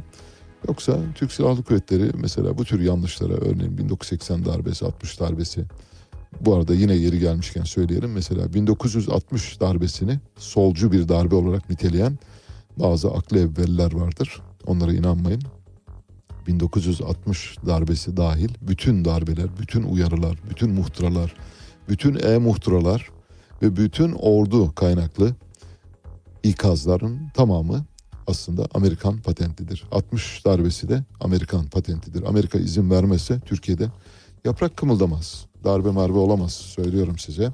Amerika Birleşik Devletleri maalesef elini şu anda dirseğine kadar içimize sokmuş durumda. Hala da öyle. Şu anda yarayı kaşıyor deprem bölgesinde. Şimdi 28 Şubat'la ilgili Sabah gazetesinin birinci sayfasında şöyle bir haber var. 28 Şubat zihniyeti yine pusuda uyanık olalım diyor. Kim söylüyor bunu? 28 Şubat Kadın Platformu Başkanı Mine İpek. Dünyalık nimetlerin bir anlık dalma ve uyku hali sonunda elimizdeki imkanların bir anda kayabilmesine sebep olabilir. Dikkatli olun diyor. Uyanık olun diyor. Çünkü hani bunu ne derler? Yönetim uyuma, sabrımızı taşırma demek istiyor Mine Hanım. Gelelim Mehmet Barlas'ın provokatörlerle ilgili yazısına. Tribünlerdeki olayları provokatörler tarafından yapılmıştır diye niteliyor. Şöyle diyor yazısının bir bölümünü okuyacağım tamamını değil. Cumartesi ve pazar günü oynanan iki futbol müsabakasında depremzede çocuklar için atkılar, şapkalar ve oyuncaklar sahaya atılarak duygusal görüntüler oluştu. Kim düşündü ve organize ettiyse teşekkür ederiz. Bir de tribünlerde utanç verici görüntüler vardı. Türkiye el birliğiyle asrın en büyük doğal felaketinin yaralarını sarmaya çalışırken 3-5 provokatör tribünleri tahrik ederek buradan bir siyasi çıkar sağlamaya çalıştı. Kimse kusura bakmasın. Tribünleri tahrik eden bu bir avuç provokatörün deprem yağmacılarından hiçbir farkı yok. 2-3 ay sonra seçim olacağını bile bile böyle bir tribün provokasyonunu yapmanın iyi niyetli olmadığını düşünüyorum. Meydanlara çıkıp siyaset yapmak yerine halkı tribünlerden ayaklanmaya çağırmak neyin nesi anlamadım. Depremden iki gün önce Fenerbahçe Divan Kurulu'nda konuşan Ali Koç, siyaset de bu işin içinde diyerek Fenerbahçe düşmanlığının arkasında iktidarın olduğunu iddia etmişti. Aslında hükümete yönelik tribün provokasyonunun fitili 4 Şubat'taki bu konuşmayla ateşlenmişti. Araya deprem felaketi girmeseydi bu görüntüleri 20 gün önce yaşayacaktık. Ne yapıyor Mehmet Barlas sizce? Ali Koç'u hedef gösteriyor. Diyor ki olayların kaynağında Ali Koç var diyor. Yani gidin alın. Gidin alın olayları başlatan adam budur diyor. Dehşet verici bir şey. Yani bir gazetenin başyazarı üstelik de böyle yılların başyazarı, yılların yazarı birinin olayı getirip böyle bir kişiye temerküz etmesi, bir kişinin kişiliğinde odaklaması anlaşılır bir şey değil. Ali Koç onu yapsa da yapmasaydı o konuşma olsa da olmaz. O konuşmanın bununla alakası yok bir defa. O konuşma yapıldığında üzerinden 20 gün geçmiş. O konuşmayla bunun arasındaki bağı kuran akla ben şaşarım. Yani o senin sizin aklınıza ziyan, o ziyan olan aklınıza üzülürüm ben. Mehmet Barlas maalesef. Hürriyet gazetesindeyiz. Hürriyet gazetesinin birinci sayfasında manşetin altında İstanbul ne yapmalı diye bir haber var. Hürriyet bir öncülük yapıyor. Bence güzel bir şey yapıyor. Depremle ilgili bütün yaraları nasıl sarılabileceği, bundan sonra deprem olduğu takdirde ki olacak neler yapmamız gerektiğini, A planı, B planı, Z planı ne olabilir gibi bir e, kampanya başlatıyor. Bunu da günlerce sürdürecek ve çok çeşitli kesimlere e, kesimlerin görüşlerini alarak bunları sayfalarına taşıyacak. Şöyle diyor Hürriyet, depreme hazırlık dosyasını açıyoruz. İstanbul kentsel dönüşümü en hızlı nasıl yapar? Depreme en hızlı şekilde nasıl hazırlanır? Yer bilimci, inşaat mühendisi, afet uzmanı, şehir planlamacısı, mimar, hukukçu, inşaatçı, beton üreticisi, denizci, terör uzmanı alanında Türkiye'nin önde gelen bütün isimleriyle konuştuk. 100 farklı öneri. Bu güzel bir şey bence. Hem e, siyasal iktidara, ekonomi yönetimine ya da hükümete de yol göstereceği nitelikte olabilir. Yerinde bir iş yapıyor Hürriyet bence. Ve 100 kişinin görüşlerini alarak bundan sonraki deprem örneğin işte yapılar nasıl olmalı tartışması oraya yansıtılabilir.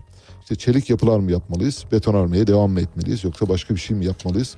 Bu tartışmaya da hürriyet ışık tutarsa çok mutlu oluruz. Akit gazetesiyle devam edeceğiz. Akit gazetesi Kara Leke 26 yaşında diyor. 28 Şubat'la ilgili haberini manşetinin hemen yanında sağ tarafa almış. Şöyle diyor Akit. Dönemin muktedir paşaları, laikçi azınlık ve tetikçi medya işbirliğiyle milli görüş lideri merhum Profesör Doktor Necmettin Erbakan önderliğinde kurulan Refah Yol iktidarını devirmeye, mütedeyyin kesimi yok etmeye yönelik 28 Şubat 1997'de yayımlanan MGK kararlarının üzerinden tam 26 yıl geçti.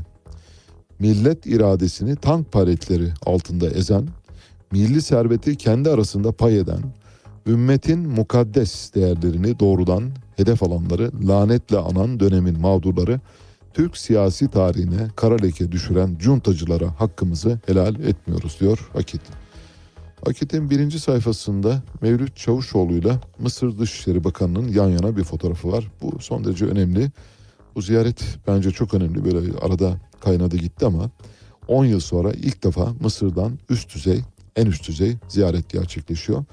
Mısır Dışişleri Bakanı Samih Şukri 10 yıl aradan sonra Türkiye'yi ziyaret etti. Şükri ve Çavuşoğlu ortak bir basın toplantısı düzenledi. Mevlüt Çavuşoğlu Mısır zor zamanlarda Türkiye'nin dostu olduğunu göstermiştir. İki ülke arasında derin bağlar vardır. Türkiye ile Mısır arasındaki ilişkilerin gelişmesi her iki tarafın yararınadır. Türk halkına başsağlığı dileyen Şükrü ise ilişkilerimizin en iyi düzeye geleceğine inanıyorum. Bizlerin görüşmelerinin ardından Cumhurbaşkanlarımız da arzu ederse görüşebilirler. Kapı açıyor bu arada Sisi. Ve Türkiye'ye taziye ziyaretinde bulunan Macaristan Dışişleri Bakanı, Ticaret Bakanı da dahil pek çok kimsenin iyi niyet mesajlarını da aktarıyor Akit bu birinci sayfasında. Şimdi Mevlüt Çavuşoğlu bildiğiniz gibi depremden önce Yunanistan Dışişleri Bakanı Dendias'a dangalak Dendias demişti. Hatırladınız mı? Sonra Dendias deprem nedeniyle geldi. Dostum Dendias oldu. Dangalak Dendias'tan dostum Dendias'a 20 günde evrilen Mevlüt Çavuşoğlu'ndan bahsediyoruz. Burada da ey katil Sisi'den dostum Sisi'ye evrilen bir süreçten bahsediyoruz. Dış politikada büyük lokma yiyin, büyük laf etmeyin. Bu bir atasözü değil ama yeri gelmişken söyleyelim. Hakikaten mesela Dışişleri Bakanlığı'nda son dönemde özellikle Ahmet Davutoğlu'nun başbakanlığı döneminden itibaren, Ahmet Davutoğlu'nun bakanlığı döneminden itibaren demek lazım. Böyle bir işte afra tafra böyle işte biz Osmanlı'nın bakiyesiyiz. Bize kimse bir şey söyleyemez. Biz bu bölgenin yöneticisiyiz. Dünya lideriyiz. Bizim üstümüze laf söyleyen ül- ülke olamaz gibi böyle bir bir, bir böbürlenme, bir büyüklenme, bir kendini dev aynasında görme durumuyla karşı karşıyayız. İşte şimdi gerçeklerle yüzleşiyoruz. Bakın depremi gördük. Depremde gelip kapımızı çalanlar 10 yıldır kapısını çalmadığımız Sisi'nin adamı geliyor. Dangalak Dendias geliyor mesela ülkenize ziyarete geliyor. Bu tür işleri konuşurken sulh zamanında olağan zamanlarda bunları konuşurken gerçekten bunlara çok dikkat edilmesi lazım ama maalesef edilmiyor. O yüzden Dangalak Dendias'tan dostum Dendias'a 20 günde geçiş yapıyorsunuz. Katil Sisi'den dostum Sisi'ye de geçiş yapıyorsunuz. Ülkelerin liderleriyle, ülkelerin liderleri ülkeler için kutsaldır. Nasıl ki bizim liderlerimize bir yabancının laf etmesini istemeyiz. Onlara karşı topyekün bir e, kalkışmada bulunuruz. Sesimizi çıkarırız. Onlar da öyle düşünüyor. Onların da başbakanları değerli. Onların da cumhurbaşkanları değerli. Onların da, da dışişleri bakanları değerli. Yani bir tek sizin bakanlarınız mı değerli? Bir tek sizin dışişleri bakanınız mı değerli? Böyle bir e, inci tanesi gibi bir adam. Öyle bir şey yok. O sebepten dolayı dışişleri diplomasisinin bu konuda mesela böyle hop oturup hop kalkan yani keskin sirke küpüne zarar misali şeylere girişmemesi gerektiğini düşünüyoruz. Evrensel gazetesindeyiz. Evrensel kayıp çocukları manşetine taşımış. Depremin üzerinden 22 gün geçmesine rağmen kayıp çocuklara ilişkin resmi bir bilgi paylaşılmadı diyor. Açıklama yapılmamasını değerlendiren avukat Songül Beydilli, Aile ve Sosyal Hizmetler Bakanlığı'nın görevlerini yerine getirmediğini söyledi. Kayıp çocuklara dikkat çeken Cumhuriyet Halk Partisi Genel Başkan Yardımcısı Gamze Akkuş İlgezli'de hükümete bugüne kadar kaç kayıp ihbarı yapıldı gizleniyor, kayıp çocuklarımız nerede, onları bulmak için bir çalışma yapılıyor mu diye sordu. Evrensel Cerrahpaşa'nın nakledilmesini manşetine birinci sayfasına taşımış. Cerrahpaşa taşınıyor biliyorsunuz. Şöyle Cerrahpaşa'da sağlık ve eğitim hizmeti durduruldu. Sağlık emekçileri öğrencilerin depreme dayanıksız binalarla ilgili Cerrahpaşa mezar olmasın çığlığı nihayet duyuldu. Rektörlük risk nedeniyle Fatih'teki binalarda sağlık ve eğitim hizmetinin durdurulduğunu açıkladı. Avcılardaki öğrenciler ise ani tahliye kararıyla eğitimlerini ve mezuniyetlerinin tehlikeye atıldığını söylüyor. Bir işçi haberi paylaşacağım Evrensel Gazetesi'nden. Antalya'da Uno ekmek fabrikasında çalışan ve Öz Gıda İş Sendikası'na bağlı işçiler bir süre önce Öz Gıda İş Sendikası'ndan istifa edip diske bağlı gıda işe geçtiler. Bunun üzerine bu Uno ekmek fabrikası eğer hazır ekmek alıyorsanız hani Uno markasını biliyorsunuz. İşçilerden onu iş yerine sokulmadı sendika değiştirdikleri için. Bunun üzerine tüm işçiler işi bıraktı. İstanbul'daki Mata işçileri de ek zam talebiyle dün üretimi durdurdu. Buradaki işçi dayanışmasının müthiş olduğunu söyleyebilirim. Bakın şimdi Öz Gıda İş Sendikası'na üyesiniz. Bir gün karar veriyorsunuz. Diske bağlı bir sendikaya geçiyorsunuz. İşveren de o diske bağlı sendikaya geçme öncülüğünü yapan işçilerden 10 tanesini iş yerine sokmuyor. İşçilerin tamamı ayaklanıyor ve işçiler diyorlar ki onlar yoksa biz de yokuz diyorlar. Ben Ali Çağatay, Radyo Sputnik'te seyir halindesiniz. Müthiş bir Kuzuların Sessizliği filmi oynanıyor şu anda maalesef. Kimsenin sesini çıkarmadığını görüyoruz. Bu devletin kadim devlet, bani devlet, baba devlet olması ilkesiyle bağdaşmıyor. Habercilik birilerinin verilmesini istemediği olayları açıklamak ve kamuoyuyla paylaşmaktır. Bu kapsamın dışında kalan olayları vermek habercilik değil, halkla ilişkiler faaliyetidir. George Orwell. Ali Çağatay ile Seyir Hali hafta içi her sabah 7 ile 9 arasında Radyo Sputnik'te. Evet, şey, Milli Gazete devam ediyoruz. Milli Gazete e, manşetinin üzerinde sür manşette Karamollaoğlu liderler turuna başladı diye bir haber vermiş. Haber şöyle Saadet Partisi Genel Başkanı Temel Karamollaoğlu partisinin ev sahipliğinde 2 Mart Perşembe günü gerçekleşecek zirve öncesi liderler turuna başladı. Karamollaoğlu ilk olarak İyi Parti Genel Başkanı Meral Akşener ve Deva Partisi Genel Başkanı Ali Babacan'ı ziyaret etti. Liderlerin gündeminde Cumhurbaşkanı adayı meselesinin yer aldığı bildiriliyor.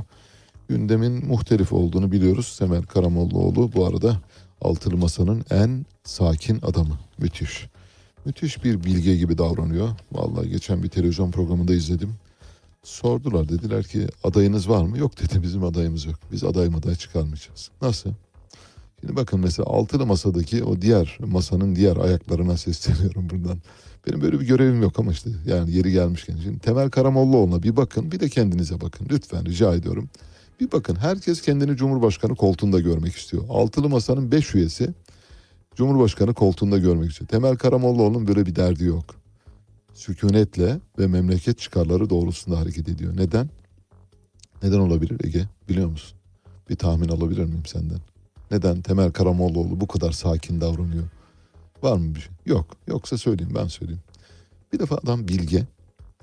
Bir de Erbakan'ın öğrencisi. Erbakan'ın en sadık öğrencilerinden bir tanesi. Ondan aldı feyzde. Bugüne bakıyor. Bakıyor ki geçmişte o kadar çok yanlış yapıldı ki. Ya biz bu yanlışları yapa yapa buralara kadar geldik. E bir yanlış daha mı yapalım? Bir yanlışa daha mı imza atalım diye düşünüyor. Çok sakin bir şekilde aynen sordu. Dedi ki adayınız var mı? Yok dedi bizim adayımız yok. Biz e, masaya tabiiz. Masada alınacak kararlara bağlıyız dedi. İşte böyle olmalı. Evet Bir Gün Gazetesi'yle devam ediyoruz. Bir Gün Gazetesi birinci sayfasında depremzedeye giden fazla giysiyi satmışlar diye bir haber veriyor. Bu haberin yorumlama biçimi biraz yanlış ama olsun ben haberi okuyacağım. Yorumlama biçimiyle ilgili gerçek e, durumu da size aktarmaya çalışacağım. Şöyle diyor. Depremzedelere gönderdiğiniz ve ihtiyaç fazlası olarak biriken giysilerin Yemenli bir şirkete satıldığını duyar duymanız e, duymanız sizi şaşırtır mı? Mersin limanına çekilen bir videoya göre depremzedeye giden ama ihtiyaç fazlasına dönüşen giysiler küresel bir atık toplayıcı olan AJ International'a satılmış. Şirket doğruladı. Meğer bu ticaret belediye kumbaralarına kadar uzanıyormuş. Şimdi o belediye kumbarasını karıştırmayın bir defa. Belediye kumbaralarına atılan giysiler atık toplama kapsamında ve geri dönüşüm kapsamında şu anda Avrupa'daki bütün tekstil şirketlerinin Inditex'ten H&M'e kadar, Zara'ya kadar Inditex zaten Zara'nın bir üst kuruluşu. Bütün şirketlerde şu anda minimum yüzde otuz geri dönüştürülmüş iplik kullanılıyor. Minimum geri dönüştürülmüş organik malzeme ya da inorganik malzeme kullanılıyor. İşte o kumbaralardan çıkan atıkların bu tür şirketlere gitmiş olması bir satıştan ziyade bir sosyal sorumluluk projesidir. Dolayısıyla onu bu işle karıştırırsanız bu haberi de çöpe atmış olursunuz. Buradan Bir Gün Gazetesi'nin muhterem editörlerine aktarmış olayım. O başka o başka elmalarla armutları lütfen karıştırmayın. Milliyet Gazetesi kiralık katiller diye sür manşetine çekmiş. Manşetine affedersiniz. Şöyle diyor güzel bir fotoğraf paylaşmış ama fotoğrafta ama epey bir oynamışlar onu da söyleyeyim. Yani fotoğrafı böyle çarpıcı hale getirmek için epey bir epey bir montaj, pikaj, dekupaj falan pek çok şey yapmışlar. Şöyle diyor, depremzede kentlerdeki konut projelerini masaya yatıran uzmanlar kiralık diplomalarla yapılan denetimlerin büyük yıkıma neden olduğunu söylüyor. Haber şöyle, Profesör Cenan Mer- Mertol 2020'de elektronik atamalı sistem gelinceye kadar müteahhit kendisini de denetleyecek firmayı seçebiliyordu. 2011 ile 2020 arasında suistimaller bu depremde ispatlandı. Yıkılan yeni binalar denetimin kağıt üzerinde kaldığını gösterdi. İnşaatları da ya da eğitimsiz kişiler yaptı. Denetim eksik. Oturduğu yerden imza atan yani diplomasını kiralayan varsa tespit edilmeli diyor. Profesör Semih Över de diploma kiralamanın uzun süredir konuşulduğunu belirtiyor. Okuma yazması olmayanlar müteahhitlik yapıyor dedi. İnşaat Mühendisleri Odası 2. Başkanı Nusret Suna da denetim sisteminin suistimale açık olduğunu söyledi. Yapı Denetim Birliği Başkanı Nazmi Şahin'e göre ise deprem öylesine şiddetliydi ki mevzuattaki iğme değerler bile yetersiz kaldı. Bu arada mevzuat da çoğuldur. Mevzuatlarda diyor. Mevzuatlarda denmez. Mevzuat. Evet peki. Geldik e, bir birinci sayfada çok hoş bir haber var. Milliyet güzel bir haber paylaşmış. Bir Japon kurtarma görevlisi, ilk yardım görevlisi e, bir sandalyede yaşlı bir hanımefendiyi depremzede bir hanımefendiye şefkat gösteriyor. İki kişi yan yanalar. 10 dakikada Sahra Hastanesi diyor. Haberin ba- başlığı böyle. Türkiye'ye yardıma gelen ekiplerden Japonya sağlık alanındaki faaliyetleriyle dikkat çekiyor. Dünyanın en iyisi olarak gösterilen Japon Sahra Hastanesi Gaziantep Oğuz elinde 10 dakikada kuruldu. 10 gün içinde de tüm teçhizatlarıyla burada da bir şey var Allah'ım peki. Hazır hale getirilerek 11 doktor 74 personeliyle hizmet. Neyse bir gün şöyle bir şey yapacağım. Arapçası ya da Osmanlıcası ya da Farsçası çoğul olduğu halde bizde tekrar çoğul eki kullanarak yani ler lar eki kullanarak kullandığımız kelimeler nedir diye düşünüyorsanız böyle küçük böyle hafif bir 15 dakikalık bir Türkçe e, dil bilgisi dersi vermeye çalışacağım. Çünkü gazetelerin buna çok ihtiyacı var maalesef. Akşam gazetesindeyiz. Akşam gazetesi sür manşetinde maaş Nisan'da bağlanacak diyor. Hangi maaştan bahsediyor? EYT maaşından bahsediyor. Şöyle diyor. EYT düzenlemesinin bugün meclisten geçmesi halinde Nisan'da maaş bağlanacak. Düzenlemenin resmi gazetede yayımlandığı günden itibaren koşulları yerine getirmiş olanlar emeklilik dilekçesi verebilecek. Buna göre Mart'ta dilekçe verenlerin aylıkları 1 Nisan'dan geçerli olmak üzere bağlanacak diyor. Peki akşam gazetesinin haberini teminat olarak alıyoruz ama galiba bu defa olacak öyle zannediyorum. Çünkü parlamento sabaha kadar çalışıp bu işi bitirmeye karar vermiş. Sesiyle devam edeceğiz. Cumhuriyet'in manşetinde yardımı da sattılar diye bir haber var. Şöyle diyor Kahramanmaraş depremleri sonrası yurttaşlar sokakta aç ve açıkta kaldı. Depremzede 22. günde hala kuyrukta çadır bekliyor. Kızılay'ın Ahbaba deprem çadırlarının yanı sıra konserve gıdaları da parayla sattığı ortaya çıktı. Kurum yurttaşın bağışladığı ikinci el eşyaları da ticaret malzemesi yaptı. Eşya da bu arada çoğu. Kazayı e, affedersin Kızılay ikinci el eşya satışından 2019 ve 2020'de 1.7 milyon lira gelir elde etti. Kızılay'ın depremzedeye destek olmak isteyen şirketlerle de çadır pazarlığı için masaya oturduğu ortaya çıktı. Kurum çadır başına 19 bin lira ücret istedi. 3 ayrı şirkete yaklaşık 3 milyon liralık satış yapıldı diyor Cumhuriyet Gazetesi. Böylece Cumhuriyet'i de geçmiş olduk. Yeni Şafak'tayız. Yeni Şafak'la devam edeceğiz. Birazdan da bitireceğiz zaten.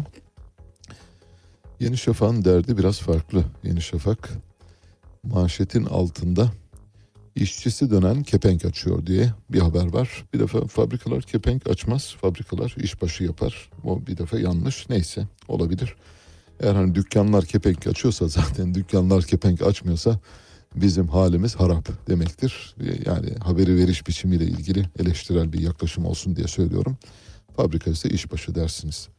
Fakat birinci sayfaya çektiği haberlerden bir tanesi e, yani evlere şenlik öyle bir haber. Gastronomi yüzde seksen yara aldı. Neden yapıyor bunu?